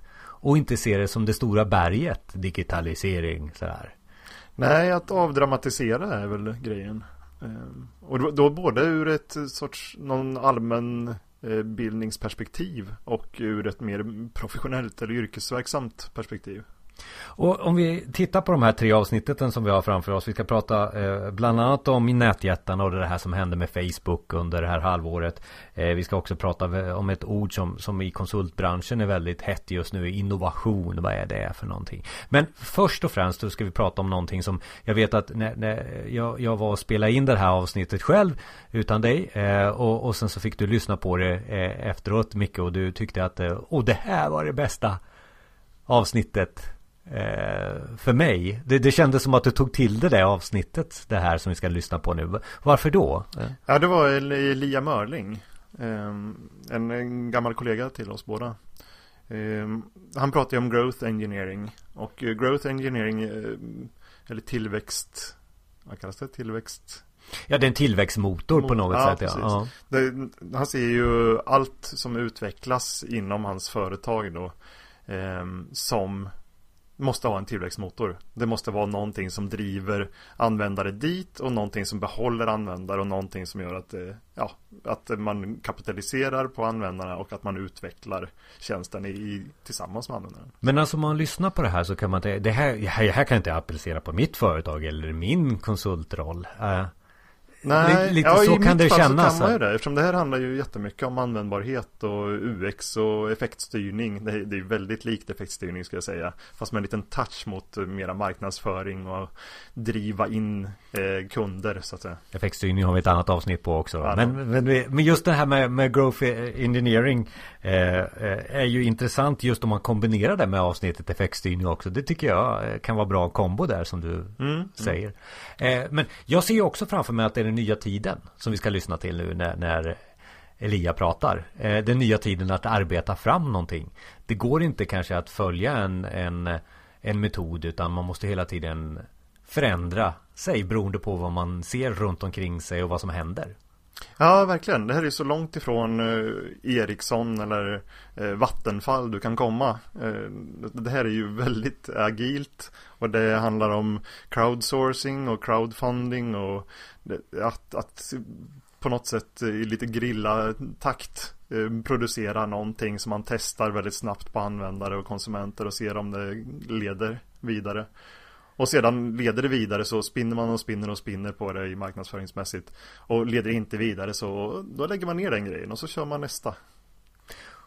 Och det här kanske är väldigt främmande som sagt var som en arbetsmetod. Men jag personligen tror att det kommer vara det som är framtidsdrivandet. Ja, och det, här, alltså det hänger ihop med, vi pratar om gigekonomin här, att, att man gör korta inhopp, korta konsulttjänster blir det nästan då per individ i arbetslivet.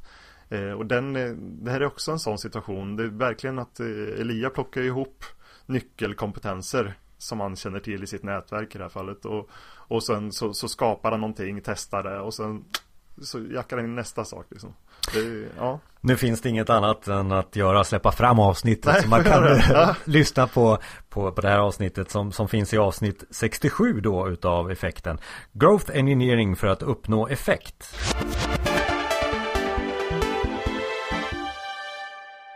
Välkommen till Effekten där vi optimerar arbetet med digitaliseringen och få sin röst hörd. Ja, det ska Elia Mörling få här nu på olika sätt. Välkommen! Tack så mycket! Eh, growth Engineering, vad är det för någonting? På svenska brukar man säga tillväxtmarknadsföring men det handlar egentligen om att optimera alla delar av kundresan för att få så många som möjligt att vilja använda en produkt eller tjänst dag in och dag ut, gärna vara återkommande. Och det är därför det är så intressant just med digitaliseringen där vi har en, så mycket produkter, så mycket information så att det krävs verkligen en, ska vi kalla det strategi runt omkring det här? Ja, det är lite intressant att du nämner just det att eh, man kan säga så att traditionellt så har man jobbat väldigt mycket utifrån Vattenfalls metod. Och då vill man gärna ha en långsiktig strategi som beskriver i detalj vad man ska göra och i vilken ordning. Och eh, det här angreppssättet värjer ju sig lite grann emot det att du hela tiden ska kunna agera på det bästa datorn du har för tillfället. Mm. Och jobba med det som man, många känner till från mjukvaruutveckling, det vill säga jobba agilt och med sprintar. Mm. Så att i, till exempel i en teknisk produktutveckling så jobbar man med sprintar som kan vara i till exempel två veckors cykler. Och då vill du ju på varje sprintmöte kunna ta, ta beslut om vad det är du ska göra i nästa sprint. Och den tanken finns ju här också. Du kan ju ändå ha en strategi och en långsiktig tanke med vad det är du vill uppnå. Men du ska också skapa en flexibilitet att kunna agera på den bästa tanken och idén och taktiken som du kan komma på just nu. Lite grilla låter det för mig. Ja. Eh, growth engineering, eh, är det lite grilla över det också? Eller är det bara vara var snabb? Eh. Ja, det är jättebra. Det, det, det, det som det, det som, som många, många tänker på men det är ju liksom att det kan finnas liksom någon viss magi kring det här. Och saken är att det, det är liksom tvärtom. Det är liksom en väldigt så här, metodisk process egentligen som kan vara lite tråkig. I det att man försöker att agera sig, äh, försöker närma sig rätt svåra ämnen men göra det med en vetenskaplig metod. Så att absolut att du skulle kunna använda en gerillataktik eh, i en del av den här tillväxtmarknadsföringen. Eh, men det är också liksom en viss ja, men revisorstänk och, och liksom jobba vetenskapligt och testa hypoteser och göra experiment och så vidare. Men, men man tittar på det från ett helikopterperspektiv och säger growth engineering eller tillväxtmarknadsföring som mm. kanske den svenska översättningen är då. Mm. Eh, så känns det lite lite sådär agilt, lite snabbt, lite... Absolut. Jag ser inte ja. den röda tråden, jag får inte den här metoden klart Precis. för mig. Helt rätt. Ja. Och, och liksom en, en intressant så här spaning det är att man ser så här, att alla aktörer det håller på att smälta samman vad alla håller på med. Liksom. Reklambyråerna gör webb och webbyråerna gör all slags kommunikation och så vidare. Så att det är väldigt eh, svårt att liksom se vad saker och ting börjar och slutar. Och tillväxtmarknadsföring har ju också den angreppssättet att den vill ju ta hand om hela kundresan så att då gör man egentligen inte någon större distinktion om det här egentligen skulle kunna hamnat i marknadsföringsfacket eller det kanske hade hamnat i produktutvecklingsfacket för vi har kommit på någonting som skulle kunna göra att produkten blir eh, ännu klistrigare så att fler folk vill stanna kvar. Eller att det handlar om att konvertera fler till att köpa mer och oftare. Så att på det sättet så kan man se en ansats i det här med det man kallar för tillväxtmarknadsföring, det är att åstadkomma tillväxt. Och då finns det egentligen ingen slags gränser för var den börjar sluta annat att syftet är att åstadkomma tillväxt och då gör vi vad det som krävs för att göra det. Så i, i det fallet så säger inget, nej men det där, är, det, där är, det där är sälj och jag är marknadsförare så då gör jag inte det. Det är ju liksom en skillnad i ansats. Att syftet är tillväxt, gör vad som krävs för att uppnå det. Nu känner jag att vi måste ha ett exempel som vi kan ta på här för att det, ja. det känns, det känns väldigt, väldigt eh, inne att jobba på det här sättet. Ja, absolut. Eh, och kanske också lite nytt ja. i, i, i eh, en, en, ett samhälle och i ja. verksamheter som oftast är lite andra fyrkantiga. Det är reklambyrå, precis. det är marknadsföring, det är HR. Ja, exakt. Precis. Så, så, exempel här Elia. Det, mm. ja, men två saker som jag skulle vilja nämna innan vi dyker ja. in i exemplet. Det är liksom att det finns som två delar i det här som man behöver förstå. Det, andra, det ena handlar om att definiera en motor det man kallar för på engelska för en growth engine, en tillväxtmotor.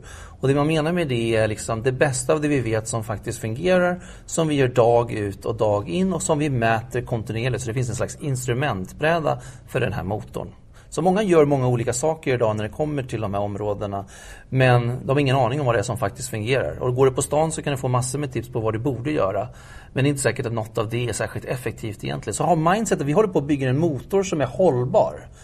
Och eh, det är en del i det. Det andra är ju då det man på engelska kallar för growth hacking som egentligen handlar liksom om en metod för att förbättra motorn med hjälp av experiment. Så det är viktigt att, att bara ha med det i den här liksom översikten av vad det är för någonting vi pratar om. Mindset att bygga motor och sen förädla den med hjälp av experiment i agila sprintar. Mm. Det, det, då, då, får man liksom grunden i det här. Och vad, vad det hela börjar när man brukar gå tillbaka och titta liksom på historieskrivning av det här så eh, brukar man använda Hotmail som exempel.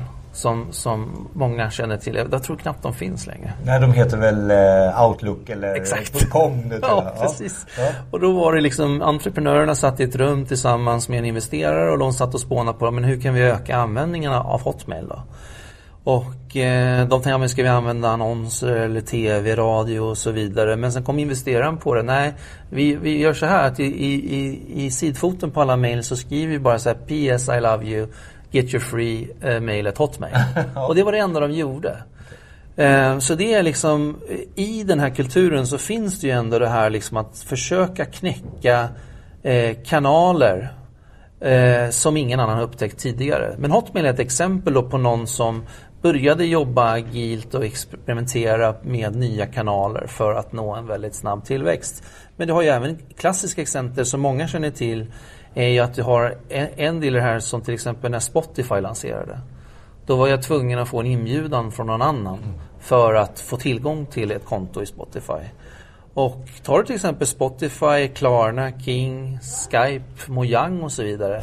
De implementerar det här med tillväxtmarknadsföring och kanske kallar det för någonting annat men de jobbar med den metodiken och har byggt upp den kompetensen och de processerna. Så det är ofta någonting som inget Folk kan tycka det här är jättenytt men för, från startupkulturen, de här stora svenska som, bolagen nu som har värderats till över en miljard, många av dem de har jobbat så här rätt länge. Mm. Och går du till Facebook så har de ingen marknadsföringsavdelning, de har bara en tillväxtavdelning. Så, så att, men, men jag skulle säga de bästa exemplen, de hittar vi ofta genom de här digitala produkterna och tjänsterna som har hämtat inspiration både från, från lean men också då från agil utveckling och börjat applicera det på allt. Så det, det är några exempel på, på på men, det här. Men det handlar ju, för mig handlar det om att man ska ta tillbaka till marknadsföring då. Lite så här, ja. Tipsa en vän. Eh, så här, tipsa tre vänner och du har chansen att vinna. Just det. Eh, eller, Precis. Eh, det är de här små sakerna ja. som gör att du kan växa som, ja, som, som i, ja, sälja mer. Ja, precis. Så, så man, man liksom skulle börja bryta ner det här lite grann. För då kan vi ge ännu fler exempel. Så när man pratar om tillväxtmotor då kan man säga att en motor består av olika delar som eh, sätter samman och tillsammans stödjer varandra. Och då är det egentligen fem delar som motorn består utav. Och eh, de går att bryta ner i fem frågor. En är så här, hur attraherar vi fler? En annan är så här, hur får vi fler att identifiera sig? Mm. Hur får vi fler att återkomma? Hur får vi fler att berätta positivt om oss som du var inne på? Och hur får vi fler att köpa större kvantiteter oftare? Det är de fem frågorna. Så att om man vill jobba med den här ansatsen och eh, då kan man använda de här fem frågorna för att lite grann ta tempen på vad är det vi faktiskt håller på med och mappa ut det med de här fem frågorna. Och om man idag gör någonting som inte besvarar något av de, av de fem frågorna kan man lägga av med det för det har inte med tillväxt att göra. Mm. Så det, det, är ett intressant sätt att bryta ner det. Så när vi tar till exempel det här med Spotify och att det krävs väninbjudningar för access. Då är det precis rätt. Då börjar vi frågan hur får vi fler att berätta positivt om oss? Mm. Så att man kan gå in i vart en av de här frågorna och egentligen liksom exemplifiera vad det handlar om. Men det, det, det, är det väldigt mycket sociala media man använder sig utav eller vänner? Man, eh, vad, vad, brukar det vara? Brukar det vara kanaler? Brukar man prata om sånt? Jo, ty typiskt så, så har folk föreställningen att det här ska helst appliceras på digitala produkter och tjänster och det ska, eh, det ska helst vara B2C. Mm. Men jag skulle säga att det är, det är inte sant. Utan du kan applicera egentligen det här på alla slags företag eller organisationer. För du kan byta ut köp mot något slags beteende som du vill förändra. Du kanske vill att fler ska gå till valurnorna eller ska donera blod till exempel. Och då funkar tillväxtmotorn ändå. Eh, och det funkar utmärkt även på fysiska produkter och tjänster. För när det kommer så här, vi tar första frågan att du vill attrahera folk. Och sen vill du på något vis att de ska ge sig till känna. För annars har du ingen möjlighet att bjuda dem tillbaka. Då kan du tänka dig att det vi vill attrahera dem till det skulle kunna vara en konferens till exempel. Eller det skulle kunna vara en butik eller så vidare. Så att det går att applicera utmärkt på fysiska produkter och tjänster och erbjudanden också fast man ofta inte ser de exemplen. Mm. Så om man skulle ta det här liksom för ett väldigt oanalogt företag så brukar jag exempel på en klädkedja jag tror det här är från, från Kanada som heter Lululemon. Lululemon säger man. okay. Och de tillhandahåller kläder eh, för löpare och eh, för yogapraktiserande. Och eh, de har en massa finurligheter först. Men om man börjar med första frågan, hur attraherar vi fler? Då har de ett samarbete med New York Marathon där de anställda kliver ut ur butikerna och står längs med gatorna och hurrar på, hejar på alla som springer i loppet och har massa roliga skyltar som de håller i. Dessutom så bjuder de alla maratonlöpare på en yogasession på morgonen. Så det är rätt, rätt underfundigt för att vara liksom e-, ett klädbutik. Och sen så när det kommer till att få folk att, att identifiera sig, då varje morgon så dyker de undan alla kläderna i butiken och så får du komma på ett gratis yogapass i butiken. Så det är också en smartness i det. Och sen för att få folk att komma tillbaka så använder de ja, men olika slags som meddelanden, sms och annat. Att liksom, välkommen på yogapasset imorgon till exempel. Jobbar jättemycket med ambassadörskap och skickar ut ambassadörer till yogafestivaler och, och får bära deras kläder och så vidare. Och i slutändan så är ju syftet att driva intäkter så att säga. Men det här är exempel på en väldigt oanalog eh, företag som ändå använder en hel del så här finurligheter och klurigheter som man har experimenterat fram. Och det är ju liksom ett skifte i det här, att man börjar anamma det här arbetssättet. Det är ju att gå ifrån en expertkultur där du vänder dig till experter som vet sanningen och, och kan tala om för dig vad som faktiskt fungerar. I, I det här så finns det ju istället en kultur av ödmjukhet i det att om du har börjat jobba experimentbaserat någon gång, då vet du att, vad lite du egentligen vet. Och då blir det snarare istället för att gå till en expert som har möjlighet att ge dig svaret så är det viktigt att vända sig till personer som hjälper dig att ställa rätt fråga. Och det är ett skifte. Och du kanske hittar nya saker, nya processer eller nya produkter på, på samma gång. här också. Helt rätt. Ja. Absolut. Allt är sammanflätat Ja, på det sättet. Så att jag skulle säga mycket i det här är ett mindset. Lika mycket som det är en process och ett sätt att göra nytt. Så är det ett skifte i det sättet man tänker på. Bort ifrån liksom att göra väldigt stora planer som man exekverar på över väldigt lång tid. Där man kanske ibland historiskt har varit dålig på att mäta och följa upp resultatet.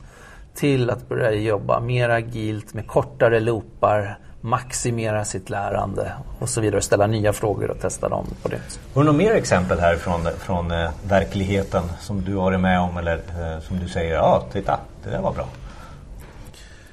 Ja, men absolut. Alltså, jag, eh, på, på liksom, om man får ta så en, en, en metabild eh, så var jag ju med och jag har ju både en bakgrund och jobbat med nystartade startupbolag men även jobbat med stora etablerade företag. Och i ett eh, innovationsprogram så lyckades vi korta tiden från insikt till testbar prototyp från två år till tre månader och en tiondel av kostnaden. Och mitt bidrag var ju att bidra med de här nya tankesätten och de här nya metoderna. Så det går att göra otroliga resultat baserade Vad på det gjorde här. du för någonting till exempel? Det var framförallt då, det, det som vi gjorde var ju att eh, vi, vi skapade den här strukturen där vi hade återkommande sprintmöten där vi samlade team för nya produkter och tjänster. Eh, vi gick igenom de experiment som vi hade kört sen sist. Vi designade nya experiment som de skulle exekvera på till nästa gång vi sågs om två veckor. Så det handlar ju väldigt mycket egentligen om coaching och implementation, implementation av nya tankesätt och nya sätt att Just göra det här går, nej det går inte, det går visst. Ja, precis. Men typiskt är det ju så, liksom, du vet ju själv att om man ger människor snävare ramar, då blir de ibland mer kreativa.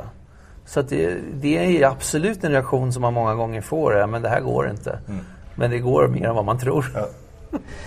Och, och men, Elia, du har ju kört några sådana här nu och, och så här på, på, på slutet. Alltså, har du någon sån här, ja, gör så här, börja här. Du hade ju, du sa ju att det, det var ju en metod runt omkring Ja, det här. absolut. Är det också den du kan dela med dig av här? Men jag skulle säga så här, kommer du, om man skulle säga så här, så här kommer du igång, Ja. skulle man kunna säga. Så, här, så skulle man fundera på, men hur ser våran tillväxtmotor ut idag utifrån de här fem frågorna? Hur attraherar vi fler? Hur får vi fler att identifiera sig? Hur får vi fler att återkomma? Hur får vi fler att berätta positivt om oss?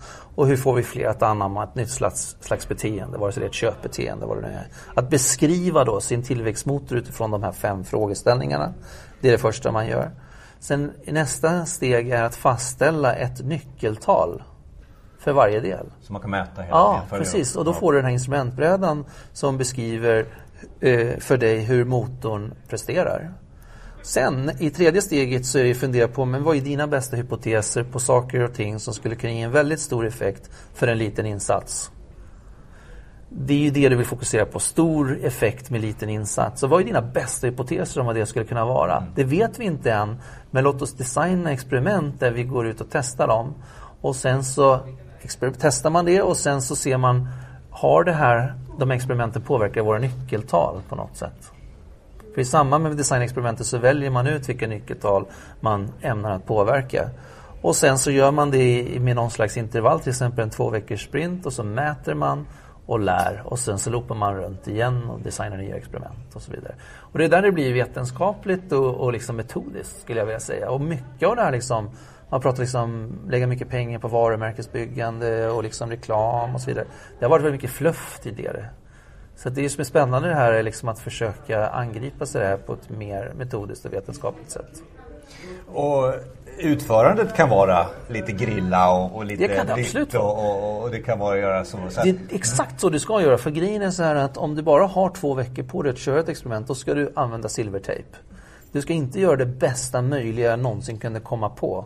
Utan du ska göra en sparkcykel istället för en Ferrari. Annars kommer du aldrig komma i mål. Så, så att, om, om, och det här är ju, är väldigt spännande för du kan ju ha medarbetare eller konsulter för all del som kommer till dig med rätt galna idéer. Här har du faktiskt möjligheten att i det här formatet få möjlighet att pröva. Då säger du så här, vad kan du visa för mig som skulle kunna ge indikation på att din idé fungerar om två veckor. Mm. Då tvingar du personen att uppfinna en sparkcykel också istället för en Ferraribil. Så på det sättet har du rätt när det kommer till den jämförelsen med gerillataktiker. Liksom. Du behöver använda silvertejp och liksom. Det går ju också i linje med våra utvecklingsmetoder och egentligen samhället i stort att allting går så väldigt fort och det finns väldigt mycket information. Vad gör vi med den här informationen på kort tid? Så Helt vi inte rätt. ser det här stora berget eh, framför oss. Ja, helt rätt. Skapa iterationer. Precis. Så jag tror så här, första när folk, tänker här, men tillväxtmarknadsföring, det låter komplicerat. Jag skulle säga att det, när man väl sätter sig in och börjar jobba med det så förenklar det tillvaron väldigt mycket. Och man har möjlighet också att ta de här olika facken och kunna stoppa in tokiga, galna idéer men få ett väldigt stort output. Och det är det man vill. Man vill åstadkomma, maximera sitt lärande är ju ett skifte.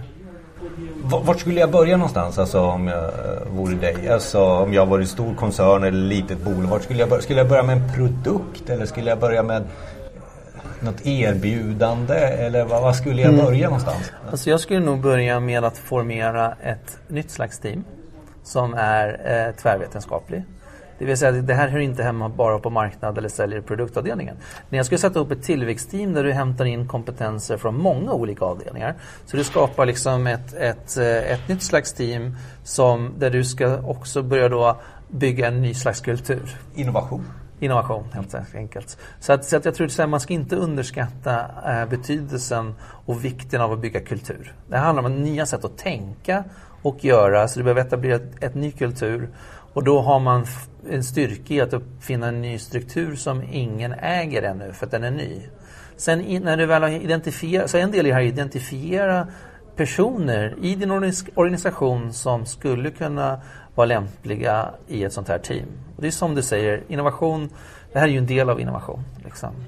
Eh, så där skulle man ju börja. Och sen så är det, så, och sen så vilket fokusområde du har, det skulle jag vilja säga det, det kan, du kan börja faktiskt i det lilla. Du kan börja egentligen med att se över din hemsida till exempel. Eller din, som du var inne på, din kommunikation i sociala medier och så vidare. Men, men det, är, det som är en nyckel i det att, att vad det än ska åstadkommas så fundera på vad resultatet ska bli i termer av förändrat beteende. Börja där. Vad är det för, för beteendeförändring du vill åstadkomma? Sen jobbar du bakåt. Det är också klassiskt. Fundera på Ja. resultatet och jobba bakåt sen. Liksom.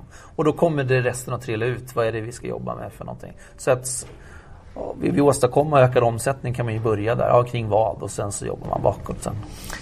Growth engineering. Eh, det är eh, någonting som jag tror ligger väldigt rätt i tiden också. Elias, här på slutet, eh, är det någonting, vi kommer lägga ut lite på effekten.se av det du har sagt förstås, men är det något mer så här du vill tillägga?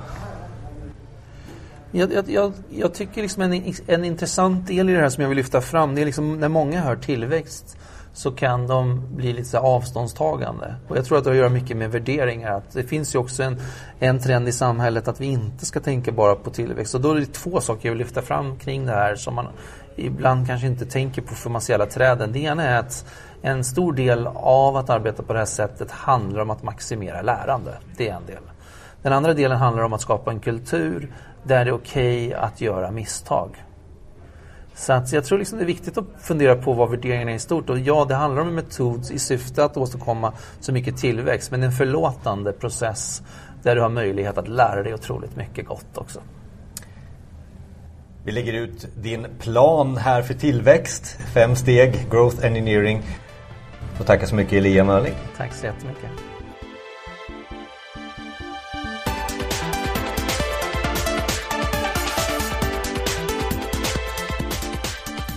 Till Effekten där vi samlar våra favoriter som vi har haft under den senaste tiden i, i podden i ett extra långt temaavsnitt. Och Micke, det här med Growth Engineering som vi har lyssnat på nu, det här, kan vi nu attrahera flera, flera för att få mer affärer och skapa bättre produkter? Ja, det här är ju ett sätt att göra det på. Och det känns som att det är ett ganska effektivt sätt också. Och det är lite krast. Alltså man behöver ju inte, som, som vi sa i början på det här eh, avsnittet, så det, man behöver ju inte vara rädd för ordet tillväxt. Det kan ju ha en, eh, till och med en lite negativ klang hos vissa. Men i det här fallet så är det ju en, en metod, en, en ganska akademisk eh, metod eller vetenskaplig metod att, att hela tiden mäta utveck, utväxlingen man får utav det arbete man stoppar in i, i sin tjänst då, eller service på något sätt. Ja det, det, är intressant också. Jag, jag bara uppmana återigen då att det finns ju en pdf på effekten.se som man kan ladda ner som är hela Elias presentation också i. Som man kan ladda ner själv och ha och, och titta på om kan det här appliceras eh, på, på det man själv gör för att få tillväxt helt enkelt. Någonting annat som hände under våra eh, avsnitt här som vi haft under den senaste tiden Det var ju just att eh, Facebook kom lite under den här skott, skott eh, elden kan man kanske säga från olika politiker. Eh, Vi började fundera lite på våran personliga integritet. Det handlade om väldigt mycket om GDPR Någonting som vi har pratat om i start två år i, i, i podden så, så att vi till och med trötta på den. ja, det var ju en sjuk våg av mejl som kom till alla. Så att det, det blev ju verkligen allmänt känt. Och ja. så, så egentligen ganska tråkigt, eller ganska fyrkantigt ämne. Blev eh, känt av typ min mamma helt plötsligt. Och en bokstavsförkortning som, som ja, jag skulle nog påstå att alla, alla i Sverige känner till det nu. Och, Sen vet man fortfarande inte riktigt vad det innebär då. Nej precis, det, det, handlar ju om någon form av personlig integritet och man pratar om nätjättarnas betydelse, man pratar om nätneutraliteten och sen så mixar man ihop det där med digitaliseringen. Eh, hur ska man få ihop det här egentligen? Det, det är vi lite och, och, ställde frågan till, till eh, Andreas eh, Ekström som är journalist då. Eh, så det avsnittet ska vi lyssna på snart. Men, men, men just det här, den här kombinationen Micke, med, med alla de här grejerna. Får, får, vi, får vi någon rätsida på det eller? Alltså det blir lite så här, vi ska förbjuda åt det här hållet och så ska vi öppna upp åt andra hållet. Och då menar jag kanske att vi har lagar i ena hållet och sen har vi det här underbara, fluffiga digitaliseringen som ska lösa alla våra problem. Ja, precis. Eh, för eh, för gemene man så tror jag att, eh, att man sitter bara still i båten och hoppas att det ska lösa sig självt. För det, man vet inte riktigt vilka actions man ska ta. Så att, nej, jag vet inte. Vad tror du? Nej, nej, men, jag, nej men jag håller med dig där. Alltså, vill, och det är väl lite det av det avsnittet som vi nu kommer lyssna på handlar om. Och, och, och här när Andreas pratar om det så, så, så, så rabblar ju han exempel på exempel på exempel mm. på vad, vad, vi, vad, vi, vad vi ska vad, vad kommer att hända. Alltså lite mer så här framtidsspaning. Eh, det jag fastnade för och det vi kommer få lyssna på det är ju till exempel när han pratar om när Afrika kommer in i digitaliseringen. Vad innebär det för någonting? Och, alltså sådana frågor. Eh, så på det sättet så var det ett väldigt intressant samtal som vi hade där i avsnitt 65. Så, så låt oss lyssna där på avsnittet. Vi litar fortfarande på nätjättarna men tar det sitt ansvar.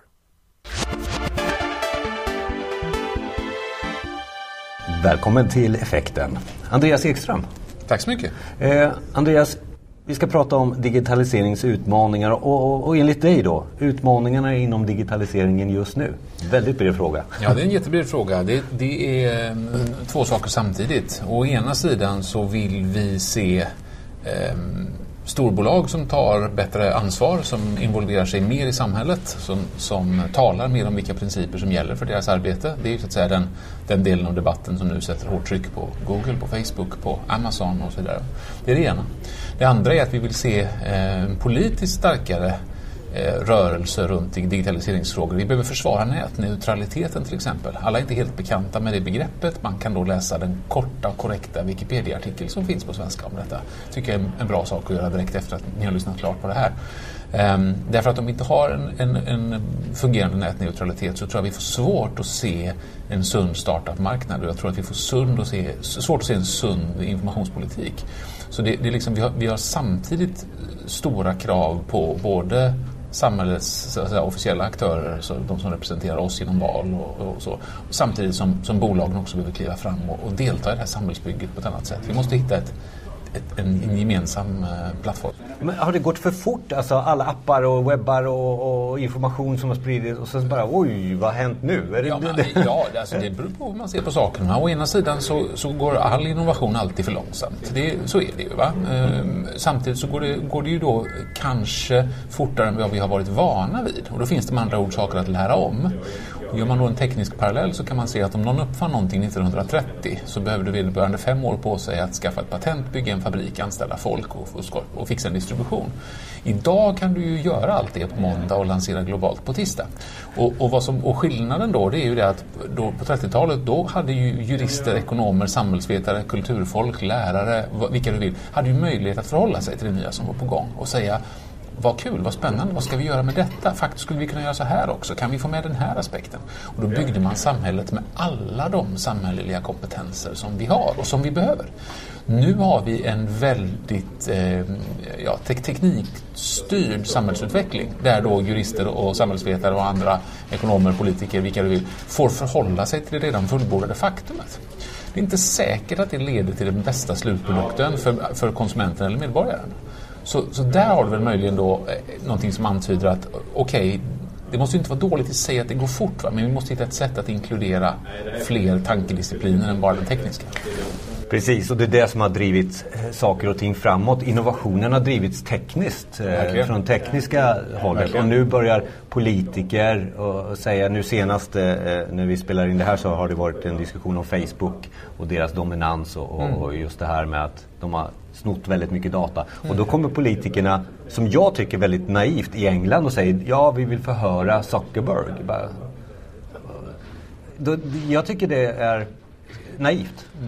Ja, det är ju. Eh, eh. Menar, och det, det bygger ju på en, den, men de har ju lyckats så bra, de här största digitalkonsumentföretagen, med att porträttera sig själva som Ja, egentligen värdeneutrala. Det är ju framförallt det stora. Det, ju, det var ju Google först egentligen med att säga att vårt sökresultat är ja, men närmast som någon sorts naturvetenskaplig sanning.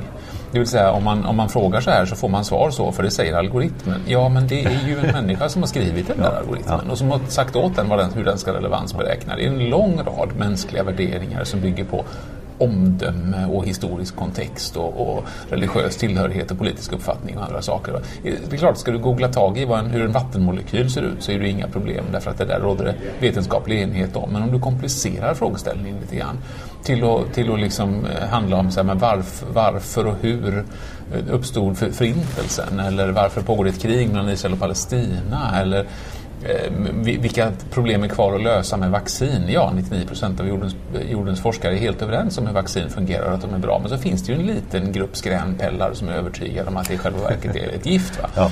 Och de är så aktiva på nätet så att de, de då kommer högt upp och då kan man säga, har Google ett ansvar för det? Så här, ja, i någon mening har de ju det. Därför att jag menar, de förväxlar ju begreppen relevans och popularitet här. Å andra sidan så kan man ju inte be dem att de ska sitta och vetenskapligt granska allt som finns på internet. Det blir också omöjligt. Men nu, nu lyssnar jag så här och så säger jag, det pratas väldigt mycket AI här nu också senast. Det kommer ju bli ännu värre då. Jag såg någon, någonting till exempel eh, bildigenkänning och, och bildigenkänning på mat och, och matrecept och vem som lagar mat. Och de flesta bilderna är kvinnor i. Och då helt plötsligt, ja AI säger ja kvinnor och mat. Likhetstecken. Ja, visst. Jo, jo, nej, men du får ju ingen samhälls... Eh, du får ingen, ingen normbildning får du inte hjälp av, av AI. Där behövs människor fortfarande. Va? I den mån det är önskvärt att normbilda kring, kring den och andra frågor.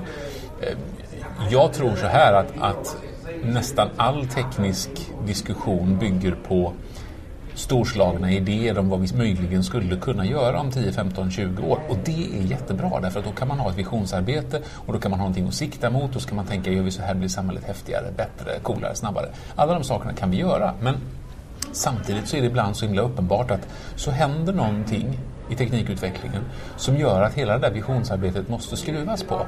Och det går att ta många exempel. Eh, vad sägs om fildelningsdebatten? Säg 15 år sedan, 10 år sedan så sa man att ja, men vi måste ladda ner mp3-filer till våra enheter så att vi kan lyssna på musik. Och då var det några som försökte säga ja, men om vi inte laddar ner då utan vi har det på en central server och så, och så, så skickar vi ut det lite i taget och så kan man flagga hur många gånger det spelas. Och så kan man då betala i proportion till det och då får upphovsmannen en, en peng precis som vi har tänkt från början. Och, så där. och då tar vi tillvara allas intressen och så får vi en bra... Ja men det går ju inte när du är ute på stan för då har du inte, så, då har du inte bredband nog för det. Nej, för vi har inte fantasi nog att tro att ett mobilt bredband kunde vara så brett. Så det, det stoppar hela diskussionen i flera år. Och det är inte ens tio år sedan som vi inte hade den fantasin. Sen kommer Spotify och lite bättre mobilt bredband och sen är det här en icke-fråga. Så ursprungsfrågan var så här, utmaningen digitalisering. Utmaningen är att ta med sig in det här övriga. Alltså, Ja, ja precis. Politiker. Som du, ja, det är det som är Det utmaningen. är en det. jättestor utmaning. Och det, tittar du då, man lyfter blicken lite utanför Sverige. Vi är ju i en i superprivilegierad position i Sverige. Man måste ha klart för sig att vi är sådär en 7,5 miljard människor på planeten varav kanske 3,5 miljard aldrig har varit online fortfarande. Va? Och alla bedömare säger ju liksom att ja, men vi kommer ju ha 90% plus connectivity ungefär 2030. Så på så här 12-15 år från och med nu då så kommer då ytterligare 3-3,5 miljard internetanvändare att tillkomma. Och de kommer huvudsakligen befinna sig i Afrika och Asien. Vad betyder det för internets utveckling? Det är fruktansvärt viktigt att vi gör det på ett nätneutralt sätt för att startups och, och därmed de nationernas ekonomier ska ha en chans. Det är otroligt viktigt att vi hittar någon typ av gemensam mark att kliva på när det gäller vad som då ska vara tillåtet i yttrandefrihetssammanhang och vilket socialt sätt vi beter oss mot varandra. Det är en enorm utmaning på alla, på alla samhälleliga nivåer men det enda demokratiskt möjliga är att se till att det här, att det här görs, att det här fungerar. Och det, det är i Asien och Afrika det kommer att hända. Nu har vi pratat om att måla upp lite de gråa. Eh, om vi tar de här ljusare molnen då inom digitalisering. Exempel på där digitaliseringen verkligen har gjort nytta och framsteg. Ja, och det, då, då, behöver man inte, då behöver man inte tänka så, så stort. Därför att vad som händer är ju det att vi internaliserar alla de här sakerna. Jag menar, jag vore ju galen om inte jag hade mitt bank-id tillgängligt för alla möjliga eh, saker. Alltså, det, det går att ha synpunkter på det på, på olika sätt. Men jag är så fullständigt van vid det där lilla fingeravtrycket för att kunna signa in hos Försäkringskassan eller hos banken. Jag ska jag problematisera som sagt gärna det också. Men alla de där små sakerna som helt enkelt gör min vardag lite bättre och lite enklare, de är ju helt underbara. Den där appen där jag, som jag beställer en, en taxibil eller kollar lokaltrafiken, så de funkar ju alltid nu för tiden. Sånt som var buggigt och visade fel, så, här, men det, det gör ju inte det längre. Vi har ju helt enkelt kommit mycket längre i användarvänlighet på ett sätt som gör att varje människas vardag har blivit mycket, mycket smidigare. Det är det absolut största. Och, och där vill man ju också bygga vidare. Alltså, nu, återigen, vi är på webbdagarna. Där har man pratat väldigt mycket om användaren i centrum och bygg därifrån. Och det är där innovationen startar. Så det är kanske där som de bra exemplen eh, kommer i snöbollseffekten. Ja, jag hoppas det. Va? Och så, men sen så har man ju också det här problemet då med det här med att, användaren, att man sätter användaren främst. Då ser man ju också att eh, om du tar ett företag som Apple som, som ju tog sin position på två saker egentligen. På att göra saker oemotståndligt vackra och på att få dem att intuitivt fungera. Och det är egentligen mest det. Och sen också att ta så mycket betalt så vi glömde vad det var vi köpte. Vi kände att vi köpte något annat än en sladd. Vi köper någon typ av livsstilsmarkör närmast. Va? Eh, detta gjorde de så oerhört bra men, men hela den företagskulturen bygger ju på att nu ska vi byta ut, nu ska vi, göra, nu ska vi ta ett innovationssteg, nu ska vi förbättra. Och då gör det plötsligt så att, att jag köper en ny telefon och kan sätta i mina 2500 kronors hörlurar som jag har köpt från Sennheiser utan någon jävla adapter. Det gör mig tokig. Ja. Därför då, då, är de, då är de så att säga, tycker de, så långt framme att nej, nej, nu ska det bara vara trådlöst. Vi ska ha de här airpodsen istället. Ja, men det går ju inte att prata i telefon med människor som har airpods. Alla hör kejsaren är naken, det låter ju skit. Alltså, det, det är lite sådana grejer som kan göra mig tokig. Och du hittar heller inga superutvecklare på Apple som är särskilt intresserade av att sitta och underhålla en så gammal produkt som iTunes. Vilket gör att iTunes har förändrats på 12 år till att vara fullständigt banbrytande, lysande till ett nödvändigt ont. Mm. Och det har ju bara att göra med, det är ju en företagskulturfråga. Du hittar helt enkelt inte den typen av kamrermässiga programmerare som vill lägga in, alltså de, de allra, allra bästa hjärnan, de vill bygga något som inte finns än. Och det, det, är ett problem därför vi har ganska mycket infrastruktur att underhålla. Vi behöver helt enkelt ha digitala vaktmästare på ett annat sätt. Som, som känner att men det här finns vissa grundvärden vi måste slå vakt om, vi ska göra det bättre och sådär. Men, men vi kan inte bara hålla på och, och, byta för bytandets skull. Du menar att det kan vara svårt att rekrytera till en myndighet? En, ja, en det blir jättesvårt. Ja. Det blir jättesvårt mm. Men även då för de här stora eh, konsumentföretagen så blir det svårt att bevara sin egen infrastruktur och sina egna grundprodukter. Därför man är så upptagen med att upptäcka och uppfinna nästa grej. Mm. För några år sedan så skrev du en bok om Google. Eh, och Google i det här sammanhanget leder ju väldigt mycket utav digitaliseringen eftersom de äger våra frågor. Mm. De har våra svar. Mm. I och med det här som kommer med att man börjar ifrågasätta, vad, vad gör Google här nu? Ja, vad gör Google i den här situationen? Ehm, Google är det företag, det enskilda företag i USA som lägger mest pengar på lobbning i Washington DC. Detta är ju offentliga siffror i USA, måste redovisas där, så det vet vi. Ja. Ehm, och det gör de ju till stor del också i förebyggande syfte därför att de inser att den typen av datainsamling som de sysslar med förr eller senare riskerar att bli kontroversiellt och då riskerar man olika typer av reglering eller specialskatter eller vad det kan vara. Sånt som man helt enkelt vill, vill undvika. Men nu är ju inte ett Google ett företag som så lätt låter sig till exempel styckas om man skulle vara orolig för det. Alltså man, sån här Microsoft-lösning, man plockar isär saker på 90-talet mot, mot hiskeliga viten. Därför att om Google har 250 olika tjänster i sin bukett så är det ju bara ett tiotal som faktiskt drar in pengar. De andra drar in data. Mm. Om, du, om du drar isär det och säger att du inte kan ha data som matar in till de lönsamma tjänsterna, då blir de inte riktigt lönsamma på samma sätt längre. Så du, du måste nästan ha ett Google som, det är klart att du skulle kunna lyfta ut YouTube. Det, det, är klart att du kan göra. Det är en, en, en miljard dollar industri i sig självt. Det går. Men men i princip så är det ändå så att alltså, kartorna genererar inga pengar för sig själva. Men datamängderna där skapar kunskap som går att monetarisera. Så att Google försöker på olika begåvade sätt eh, förutse debatten. Man lägger mycket tid på det. Det finns, det finns väldigt intelligenta personer på, på Google som sysslar med att i ordets vidaste mening ja, närmast filosofera kring vilket samhälle vi ska ha och på så sätt identifiera vilken är Googles roll här? Hur ser en backlash ut? Hur, vilka behov har vi framöver? Men samtidigt så de har ju stora problem nu. Jag menar, alltså webben växer med en sån hastighet så att de, eh, de klarar inte riktigt de här säga, ideella åtagandena som de lite grann har sagt. Att vi ska skanna all världens böcker till exempel. Så de finns som en digital allmänning för alla. Säger, men det här projektet det ser inte ut att bli klart. Det händer ingenting. De kom snabbt upp till 20-30 miljoner titlar men de vet ju att det finns 150 miljoner unika boktitlar i världen. De har inte löst rättighetsfrågorna, de har inte löst eh, tekniken tillräckligt bra, skanningen håller inte tillräckligt bra nivå och det är framförallt inte en chans att det här kan bli lönsamt någon gång ens snart. Va? Då verkar det bara få, få falla undan. Och då är, har vi ju massa tunga institutioner, universitetsbibliotek och så, som ju har valt att inte bygga sådana här lösningar själva. Att inte gå ihop och säga vi är världens tio största universitetsbibliotek, vi ska bygga och göra detta som en digital allmänning. Man mm. säger vad bra, det gör ju Google. Ja, fast det gjorde de visst inte riktigt. Mm. Nej, för de har inget sånt plikt, ingen sån plikt. De sa att de skulle göra det och vi trodde att de alltid var snälla. Mm. Nej, de prioriterade visst något annat, så där sitter vi. Och det skulle vi kunna lära oss ett annat av. Ja. Är det några mer så här exempel i, i digitalisering som du ser från ditt håll här? För jag känner, jag känner att när vi pratar här så du ligger ett eller två steg före här. Det, det ska jag ju försöka ja. Eh, alltid och, ja. och göra. Va? Alltså vart kan vi vara på väg och, och, och sådär. Ja. Um, det är viktigt att komma ihåg att jag, att jag sannolikt väl har fel i 65 procent av allt jag säger, för det har man. Um, det handlar egentligen mer om att försöka ha en uppfattning om den generella riktningen och sen måste man acceptera att man alltid behöver korrigera kursen lite grann. Eh, och, och, det ska man inte vara rädd för. Men, men, man ska nog ta ut en generell riktning och säga inte bara tror vi att utvecklas åt det här hållet utan vi vill det. Man tar ett, ett, ett socialt ansvar, ett samhälleligt ansvar om man är med och, och, och bygger och påverkar eller diskuterar detta. Och, då, och då spelar det ju roll hur man tänker. Så vad, vad är lyckan här? Lycka, lyckan och lyckan. Vad är checklistan framåt här i digitaliseringen? Eh. Det, det demokratiserade internet det, det är helt centralt centralt. Eh, det tycker jag att man alltid ska få med. Jag tycker, och det, det är klart att det, det, spelar oerhört stor roll då om man tänker sig att arbeta globalt. Alltså om man tittar på lite grann vad, vad kommer Asien och Afrika behöva. Det, det kan man göra av demokratiska skäl, men man kan baske med göra det av affärsskäl också. Därför att där finns tillväxten. Det kommer att göra. Och allt kommer naturligtvis att ske i mobilen. Det är ingen som kommer att gräva ner kablar över, över två kontinenter överallt. Va? Det är naturligtvis inte. Så det gäller, det gäller liksom att helt ha det, det fokuset. Så det är, ju, det är ju det ena då, som jag tror att, det, att man måste, måste tänka mycket på.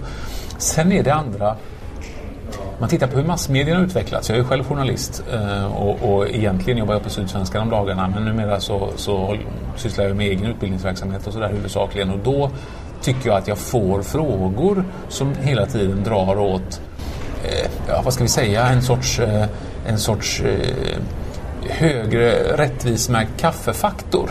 Det vill säga att man vill med sina digitala konsumentbeslut vara med och fatta lite bättre, för samhället lite bättre beslut. Och då tror jag att eh, det kommer att bli nödvändigt för de stora digitaljättarna att visa starkare och bättre att ja, men, genom att du handlar via Amazon, genom att du väljer Microsofts programvara, genom att du väljer vad det nu är för någonting, så får du också ett genom, en genomtänkt syn på vilken påverkan det här har på samhället. Där är vi inte nu alls. Va? Amazon eh, skulle kunna tjäna mycket mer pengar om de ville men det gör de inte. De dumpar priserna istället och slår ut arbetstillfällen på en rasande fart över Nordamerika och resten av världen också. Eh, och då kan man säga så här, ja men det gör ingenting för att det har blivit billigare för slutkonsumenten. Ja, fast slutkonsumenten har blivit arbetslös också. Och, och, på sikt så, så är inte det ett bra samhällsbygge. Vi kanske måste göra om jättemycket. Vi kanske måste beskatta kapital istället för arbete och ha medborgarlön, basinkomst. Ja, kanske det. Det är ju stora frågor. Va? Men effekterna av våra konsumentbeslut. Kommer den här kaffebonden att ha en hyggliga omständigheter under sin arbetsdag eller kommer han inte att ha det? Jag betalar lite mer för att det finns någon som har certifierat detta och jag väljer att lita på det. Den trenden kommer att bli starkare. Du ser prenumerationer, jag ska komma tillbaka till mediebranschen, du ser prenumerationer öka i, i, stor, stor hastighet nu för, för vanlig dagspress. Det trodde vi var omöjligt, många av oss i alla fall, eh, för fem, sju, åtta år sedan. Jag, jag trodde inte det, vill jag poängtera. Men, men många har trott det i alla fall. Va? Och så mm. ser man då att man har sagt att vi gör en kvalitetssatsning, vi tar betalt och vi säger så här. Digitalt så, betalt. Digitalt betalt va? Mm. Och då ser du då på de stora spelarna, Washington Post, eh, eh, New York Times, Dagens Nyheter och även hos oss på Sydsvenskan och en del andra, eh, Svenska Dagbladet. Man ökar helt enkelt kraftfullt sina digitala läsarintäkter. Kvalitet pratar man om. Ja, då säger man så här att ja, men, du, så här, det kostar då några hundra kronor här mm. eh, för detta och för det så får du följande saker. Men inte bara får du det här innehållet och den här kvaliteten som vi tycker är värd att betala för. Ja, precis som ett par gympaskor eller, eller eh, pålägg eller vad du vill mm. som en produkt. Va? Utan du får också så här, vi håller på med någonting lite speciellt. Och vi, och vi försöker förklara det så gott vi kan. Så här, men det är inte finare än något annat men det är lite speciellt.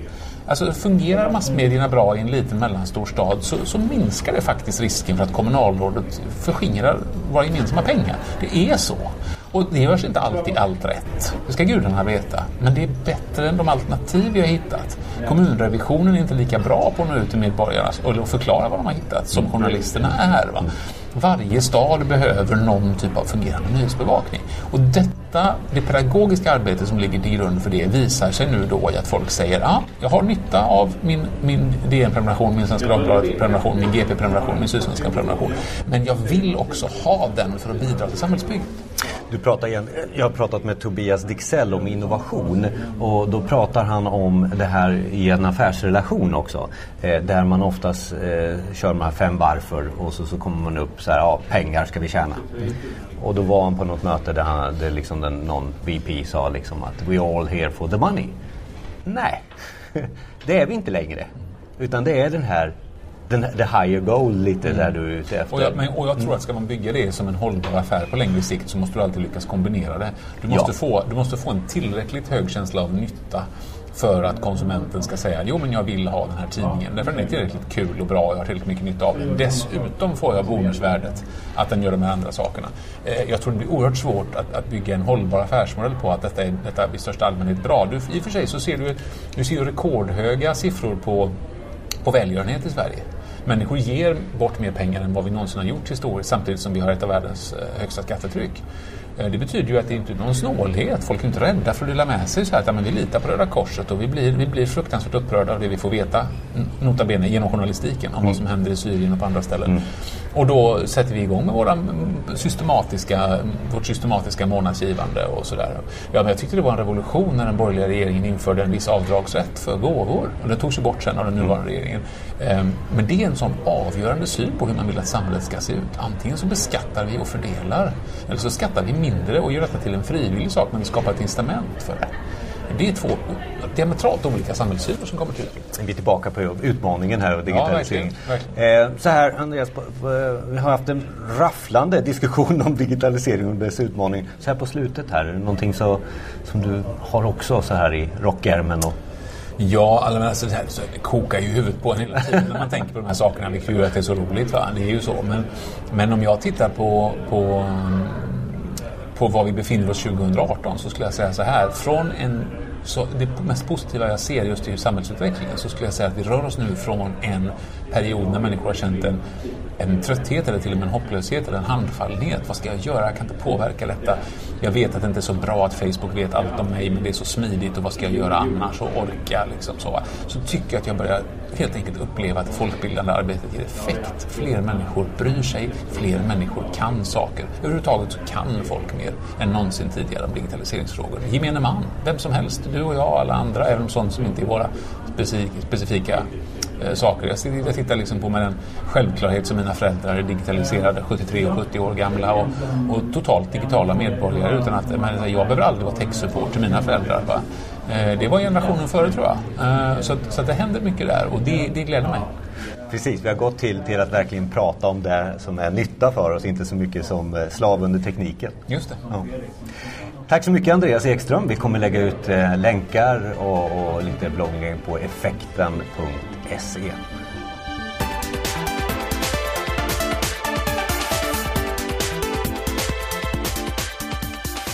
Avsnitt av Effekten just nu då där vi lyssnar på repriser utav avsnitt som vi har tyckt har varit väldigt, väldigt bra här under den senaste tiden. Vi har lyssnat på Vi litar fortfarande på nätjättarna men tar det sitt ansvar.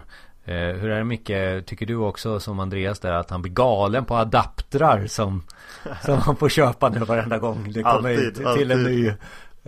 Nej men jag tycker det, är ett intressant avsnitt och jag tycker Andreas eh, Han är ganska spot on. Det märks att han är en van talare också och att, tänkare. Och tänkare, ja, ja verkligen. Ja. Och författare. Och, Eh, och, och, vi fortsätter den här långlyssnandet utav effekten med att just prata om eh, Alltså nästa steg handlar väldigt mycket om eh, Eftersom ämnet är digitalisering Nästa steg är att komma vidare på något sätt eh, Och Digitalisering kanske har lite kört fast också med, med att man inte kanske har hänsyn till människor. Eh, Jag ser någon statistik på 70% utav de digitala transformationsprojekten eh, misslyckas. För man inte har med människor. Så det är ju liksom den här förändringsledning och den här biten och det har vi avsnitt på också och pratar om, om Tidigare så sa man ju att det var 70 eller 80 eller 90 procent av alla IT-projekt som misslyckades Eller drog över budget och sådär men, men det du säger nu är att innovationsprojekten fortfarande misslyckas då Kanske inte innovation men transformation Transformation, ja, okej okay. ja. Frågan är om, om, om kostnaden inte är lika hög nu För man stannar tidigare jag menar? Ja. Förr så drev man igenom de här vattenfallsprojekten i år efter år efter år och sa nej det blev jättedyrt och så måste vi lägga till 50 miljoner till för att få en produkt. Nu i den här transformationen här så hoppas jag ändå att man, man är snabbare på och, och, och, bromsar och, och testar ett nytt spår eller väntar, avvaktar kanske ett år om det är det som är nyckeln för just den organisationen. Är det, är det då, för att komma till nästa avsnitt som vi har, är det då att man behöver ha en kreativ tanke eh, som skapar innovation för att komma dit? Eller är det, är, är det bara metoder som behövs så här? Nu, nu måste ni göra på det här sättet. Eller är det just det här tänka nytt? Ja, det måste ju vara en liten kreativ tanke som, som eh, har möjlighet att lyfta utan att man behöver pumpa in eh, jättemycket resurser. Så att ett, ett litet eh, digitalt eh, tankefrö du... Precis, och vi, Tobias Dixell som vi kommer att lyssna på nu Han är ju energisk när han pratar Han har visioner och idéer eh, Verkligen så. Eh, och, och, Men det vi inte får glömma bort är ju allting annat vi har lärt oss. Vi brukar prata om när vi jobbar ihop till exempel Att man ska mäta saker. Eh, Eh, så att det här med att bara gå kreativt och leka, det, glöm det. Det är inte det vi menar eh, oftast när man pratar om innovationer och kreativitet. Hur har vi, hur har, vad kan man mäta? Alltså... Ja, mäta effekterna kan vi alltid göra. Om vi sätter upp ett antal eh, mål som vi ska uppnå med den här nya tjänsten eller den här digitaliseringen som vi gör. Ehm, och kan vi då sätter vi upp ett antal mål och sen gör hyfsat, sätter enkla mät, eh, mätetal på, på en delmål. Då, då har vi möjlighet att, att, eh, att se om vi är på rätt väg. Och man kan faktiskt göra det ganska tidigt också. Alltså mäta hela tiden. Och jag tror också att Tobias kommer prata om det här i avsnittet. Men ha med dig det nu när vi lyssnar här. För att det här med att eh, eh, det är kreativitet och innovation och digitalisering. Det låter som en det här kan vi leka mycket. Men det är en strukturering eh, av det, det, mesta. Och kopplat till det avsnittet som vi lyssnade på först också. Eh, mm. Growth Engineering. Så, så, tror jag nog att man får nya verktyg att agera inom digitaliseringen. Så låt oss lyssna. Det här är kreativitet, innovation och digitalisering med eh, Tobias Dixell.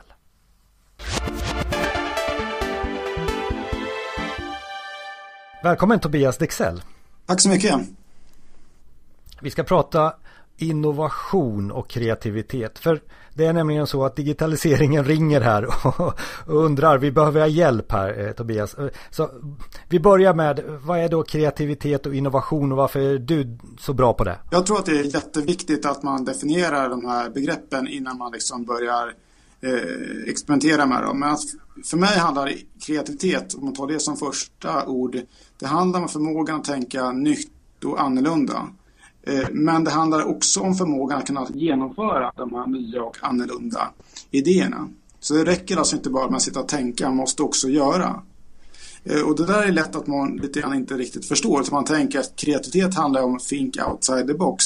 Det tror inte jag alls att det gör. Jag tror att det handlar väldigt mycket om think inside the box. Att våga tänka nytt och annorlunda utifrån ett antal begränsningar. Men också att våga ta de här idéerna till genomförande.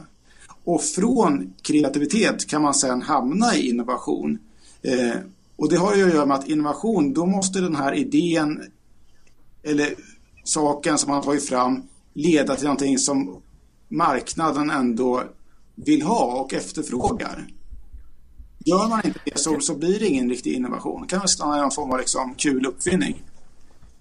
Men är, är, det individer vi är ute efter som är innovatörer och kreatörer? Någon som du som får oss att eh, gå vidare? Eller en hel organisation? Eller är det hela samhället vi, vi, vi måste prata om när vi pratar kreativitet och innovation?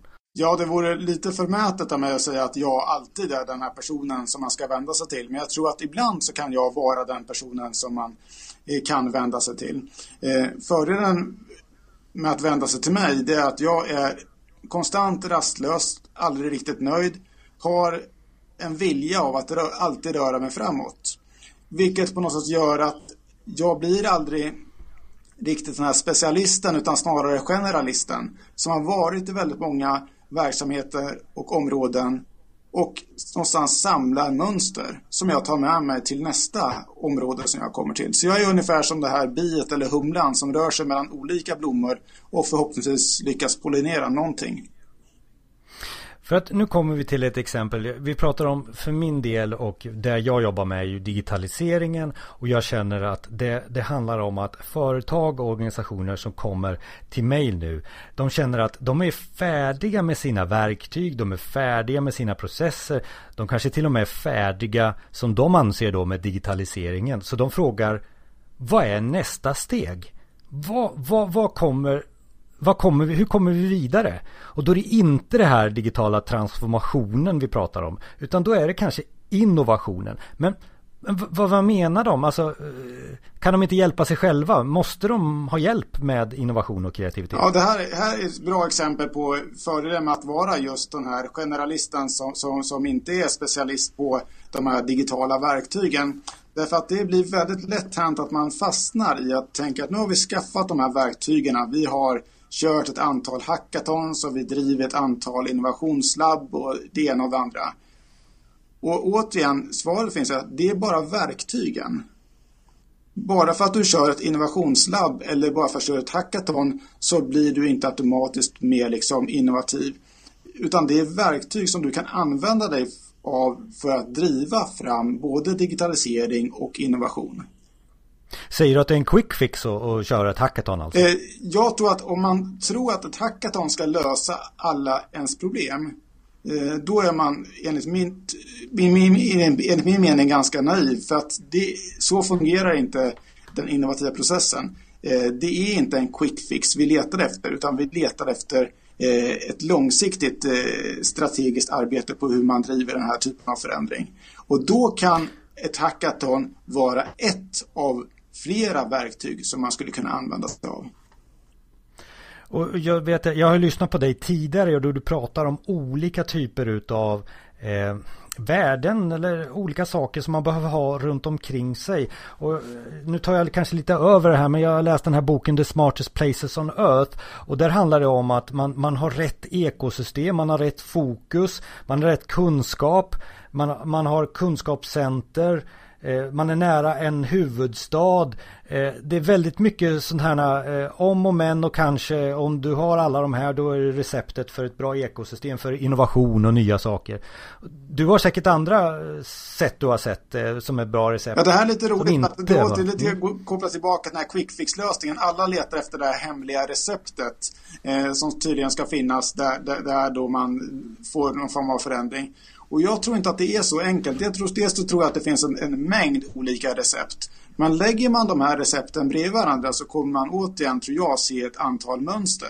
Det vill säga att om du vill ha en riktig liksom, förändring så är det här ingen liksom, enmansshow. Det kräver någon form av samarbete. Eh, någon form av liksom, ekosystem. Eh, dessutom också som så att ett annat vanligt fel som många gör det är att man ofta tänker att man ska liksom, lösa de här extremt svåra problemen eh, direkt. Och det fungerar ju inte heller utan det handlar ju väldigt mycket om att våga bryta sönder de här problemen i mindre enheter. Låta fler vara med att, eh, och prova sig fram och eh, experimentera och eh, ta fram nya lösningar. När du eh, pratar så pratar du också om kopplingen till Nobelpristagare och att det kommer fler Nobelpristagare ut ur Cambridge än det kommer ut från de italienska eh, eh, gamla, gamla universiteten. Eh, så. Eh, Ja, men alltså, det här med undervisning och det här, det är väl inget bra recept för innovation och Nobelpristagare i framtiden, eller? Ja, så här är det. Alltså, jag har ju en bakgrund. Jag jobbade ju över åtta år på Nobelmuseet som intendent eller så kallad curator. Eh, och det jag roade mig med var just att analysera Nobelpristagare utifrån ett kanske lite annorlunda perspektiv. För jag menar ju då på fullast allvar att en sak som är gemensamt mellan samtliga Nobelpristagare är just deras förmåga till kreativitet. Alltså förmågan att tänka nytt och unikt men också att genomföra sina idéer. Och här blir det intressant, för om man då börjar räkna platser i världen som genererat många Nobelpristagare, då kommer man, precis som du var inne på, mycket riktigt se att Cambridge har genererat väldigt många. Om man ska vara riktigt exakt så är det 98 Nobelpristagare nu utav 923. Och då är den stora frågan, varför gör de det? Hur, kan de, hur har de lyckats bygga fram den här lösningen? Och skulle man fråga Cambridge själv så säger de antagligen, ja men det har att göra med våran, våran tradition. Vi är så pass gamla. Eh, men det tror inte jag riktigt håller. Återigen, det är en sån här quick fix lösning att man säger att den måste ha funnits i över 800 år för att få någon förändring. Det Cambridge väldigt mycket gör och det är egentligen många universitet i grunden syftar till, det är ju de här crossdisciplinära mötena. Och det Cambridge har gjort väldigt mycket det är att som sagt arbeta med hur får vi till den här typen av möten när människor från olika bakgrunder och discipliner möts och tar del av varandras kunskap. Och det gör Cambridge bland annat genom att anordna så kallade high table dinners. Eh, och det är just det här att man strategiskt systematiskt sett arbetar för att få till möten mellan olika typer av människor som är en extremt viktig ingrediens i arbetet med innovation. Och då blir vi lite konkreta. Vi ska alltså ha fem timmars eh, middagar inom eh, ett konsultbolag som håller på med digitalisering. Då blir vi kreativa. Nej, jag, kanske man inte ska ha fem timmars middagar. Jag tror att risken är att om man tänker att man är ett konsultbolag, att, att all tid som man ägnar ska gå åt att tjäna så pass mycket pengar som möjligt. Då finns det en ganska stor risk att man springer på de saker som man redan gör idag och man skapar inget som helst utrymme till någon form av reflektion eller ingen som helst utrymme för någon form av experimentverksamhet utan allting handlar bara om att springa så snabbt som möjligt. Och gör man det så kanske man i alla fall kortsiktigt kan tjäna en hel del pengar. Men jag tror att man faktiskt biter sig själv i svansen därför att man får inte fram någonting långsiktigt. Jag brukar skoja om det här så att, att driva innovation det tror jag egentligen inte är speciellt svårt. Men att driva en hållbar, långsiktig innovation, det kräver lite tankeverksamhet. Och nu är vi inne på, eh, nu är det intressant för att det vi pratade om förut var hackathon och innovationslabb. Det är lite quick fix, kanske inte eh, den långsiktiga då. Så att vad, vad, vad, vad, är ditt budskap på den långsiktiga innovationen om vi nu tar digitalisering för att zooma in lite i, i och få något skop här. Eh, vad, vad, ska vi, om man är konsultbolag som vill hjälpa eh, kunder med innovation. Eh, ska man sälja, vad ska man sälja då? Eh, ja, så här är det att dels tycker jag att det som är stora fördelen med ett konsultbolag det är förhoppningsvis så rör man sig ganska snabbt och agilt. Och det är ju strålande. Men nackdelen med ett agilt arbetssätt är att det blir väldigt mycket här och nu. Man måste naturligtvis kombinera ett agilt, snabbrörligt arbetssätt med en långsiktig strategi. En någon sorts vision om varför gör vi det här och vad vill vi uppnå. Och då kommer man ganska snabbt upptäcka när man har liksom klarjakt att man vill kanske driva någon form av digitalisering eller något avancerat förändringsarbete. Att det krävs någon form av liksom strategi där verktyg som exempelvis hackathons eller ett innovationslabb är en del av verktygslådan. Det är bara, liksom, bara verktygen. Men de måste sättas ihop i någon form av ordning för att få fram eh, någon form av förändring. Och hur den ordningen ser ut, det är det som jag tycker är konsultfirman eller bolagets eh, det, det, det, är någonting som man kan liksom diskutera tillsammans och försöka få fram någon form av struktur. Utan någon form av struktur och utan någon form av godkännande från, från eh, ledningsgruppen i det bolaget som man ska förändra eller digitalisera så kommer det här aldrig gå. Så att ett bolag, som ett, ett företag som idag vill vara innovativa, kanske startar en eh, ett innovationsavdelning med ett antal personer och sen så ska de innovera till hela företaget. Det var en dålig idé då? Eller? Ja, jag tror, eller speciellt om det är det enda sättet man tänker att det här digitaliseringsarbetet ska fortgå genom att man gör det. Då tror jag att, att eh, det är en ganska stor risk att, att man inte kommer lyckas överhuvudtaget. Därför att absolut så kan man liksom starta en liten innovationslabb i ett bolag. Så under förutsättning att det är ett av många verktyg man tänker använda sig av. Och, och, nu tänkte jag förstås att fråga här på, på slutet efter den ultimata checklistan. Men jag har förstått på ditt svar tidigare här att det handlar om små bitar som man får sätta ihop utifrån sina egna förutsättningar. Men det är inte en sak man ska satsa på utan flera. Nej, och jag, jag har faktiskt laborera ja. med det. För jag mötte någon tidigare som sa att att kreativitet plus risktagande blir innovation i någon slags eh, formel. Och så hade vi ett samtal kring det där jag sa att det där stämmer inte riktigt. Därför att dels då tycker jag att då har man missförstått vad kreativitet är. För kreativitet förutsätter ett risktagande. Det vill säga att när man tar en ny annorlunda idé till verklighet så tar man en risk. Så att kreativitet och risktagande det hör ihop. Så jag skulle säga att kreativitet plus experimenterande plus att man mäter eh, kan generera innovation. Ja men det är väl en formel. Alltså kreativitet, experimentera och mäta och, och, och, mäta och repetera. Alltså, det är extremt viktigt att man inte bara springer omkring och som sagt återigen, kör ett litet labb här eller kör ett hackathon där. Gör jättegärna det, men för guds skull börja mäta. Liksom, vad, vad, vad, vad blir resultaten av det här? Eh, och då blir det lite spännande för då kanske, ni måste man, då kanske man måste börja mäta på lite annorlunda sätt. Då kanske det inte bara är KPI som ska mätas, utan det är andra saker. Men om man glömmer bort mätandet då tycker jag att då har man helt tappat idén varför man gör experiment. Man gör experiment också för att få ut mätdata. Kreativitet, okej okay, det är okänt för kanske en del. Experiment, ja det är okänt för en del men det, de, de greppar de. Men, men om, vi, om vi fastnar på mäta, skulle mäta då kanske vara en attitydundersökning på anställda eller kunder? Är det det du menar? Ja, mäta? alltså börja samla in data. Alltså dels börja våga prova nytt och inte bara prata om det utan verkligen börja göra det. Våga göra mer testverksamheter, prototyping, experimenterande men också börja samla in mätdata. Ungefär som en traditionell naturvetenskaplig Nobelpristagare. Det vill säga man sitter i sitt labb, man gör experiment, man skriver ner sin mätdata. Och utifrån den här mätdatan så kommer vi kunna liksom förhoppningsvis röra oss framåt. Och företag som man träffar som kanske har några år på nacken också. Eh, det är ju många av våra eh, företag i Sverige som är väldigt gamla, 400 år och kanske mer.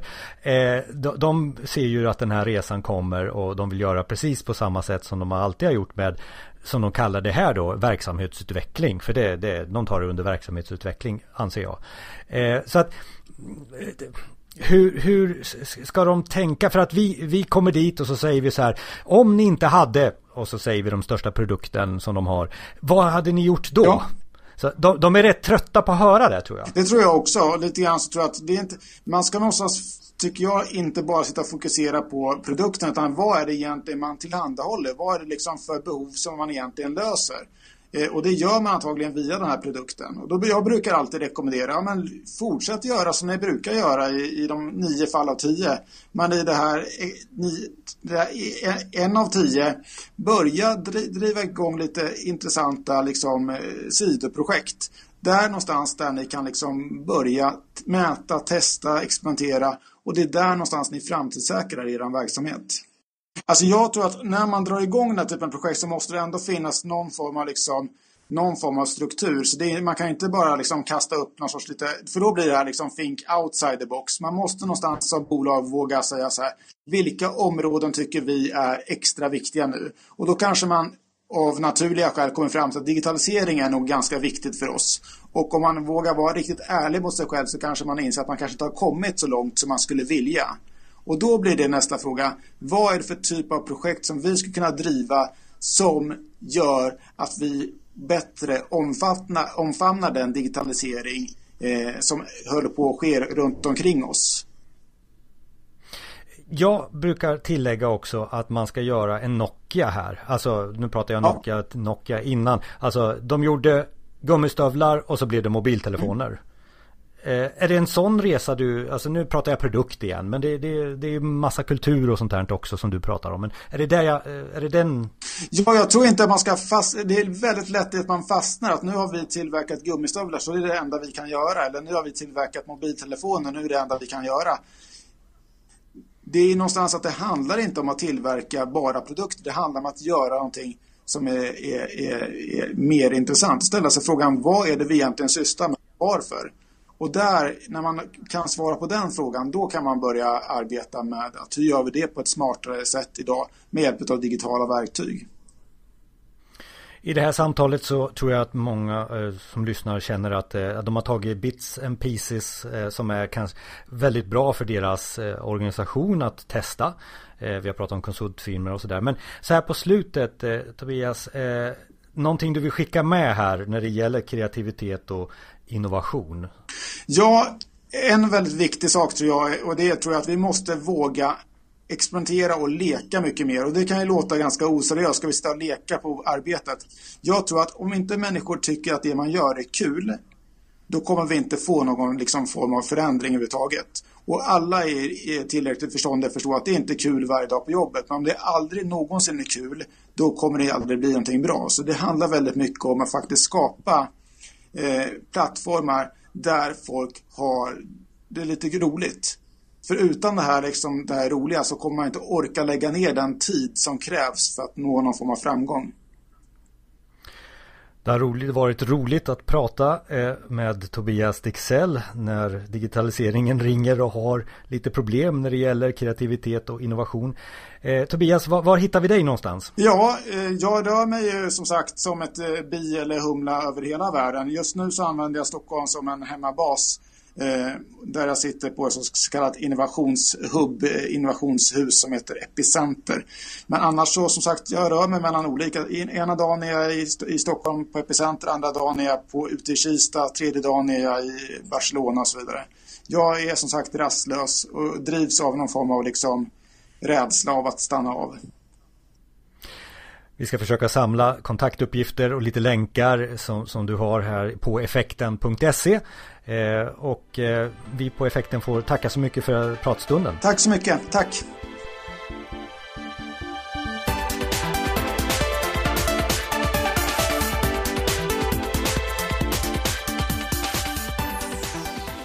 Effekten har tagit med sig de eh, favoritavsnitt som vi har haft. Jag, Jonas och, och, och Micke har satt en reprissändning egentligen på, på det hela. Eh, en, en podd som är lite extra långlyssnandet kan vara passande sådär. Eh, Micke, vi, pratade, vi har pratat väldigt mycket då som, eh, om innovation och digitalisering. Vi har pratat om nätjättarnas betydelse och growth engineering sådär. Hoppas det, det var inspirerande, i alla fall från min synvinkel. Jag vet inte. Ja, det här är ju det bästa som finns. Alltså det här är ju precis det vi, vi jobbar med dagligen. Ibland så grottar man ner sig och sitter i något verktyg och, och hackar för fullt. Eh, men ofta så, så får ju vi chansen att, eh, att eh, titta framåt, titta upp och tänka nytt och se vad vi, kan, vad vi kan hitta där framme som effektiviserar en organisation eller förbättrar en produkt eller vad det kan vara. Så vi hoppas att eh, hängmattan eller soffan där du låg och lyssnade på det här Eh, eller var ute med, med hunden kanske eh, eh, gjorde att du skapade dig ny kunskap och lite inspiration för, för framtiden. Och vi kommer att leverera mer sådana här inspirerande avsnitt längre fram. Så att med det så tackar vi så mycket för det här avsnittet.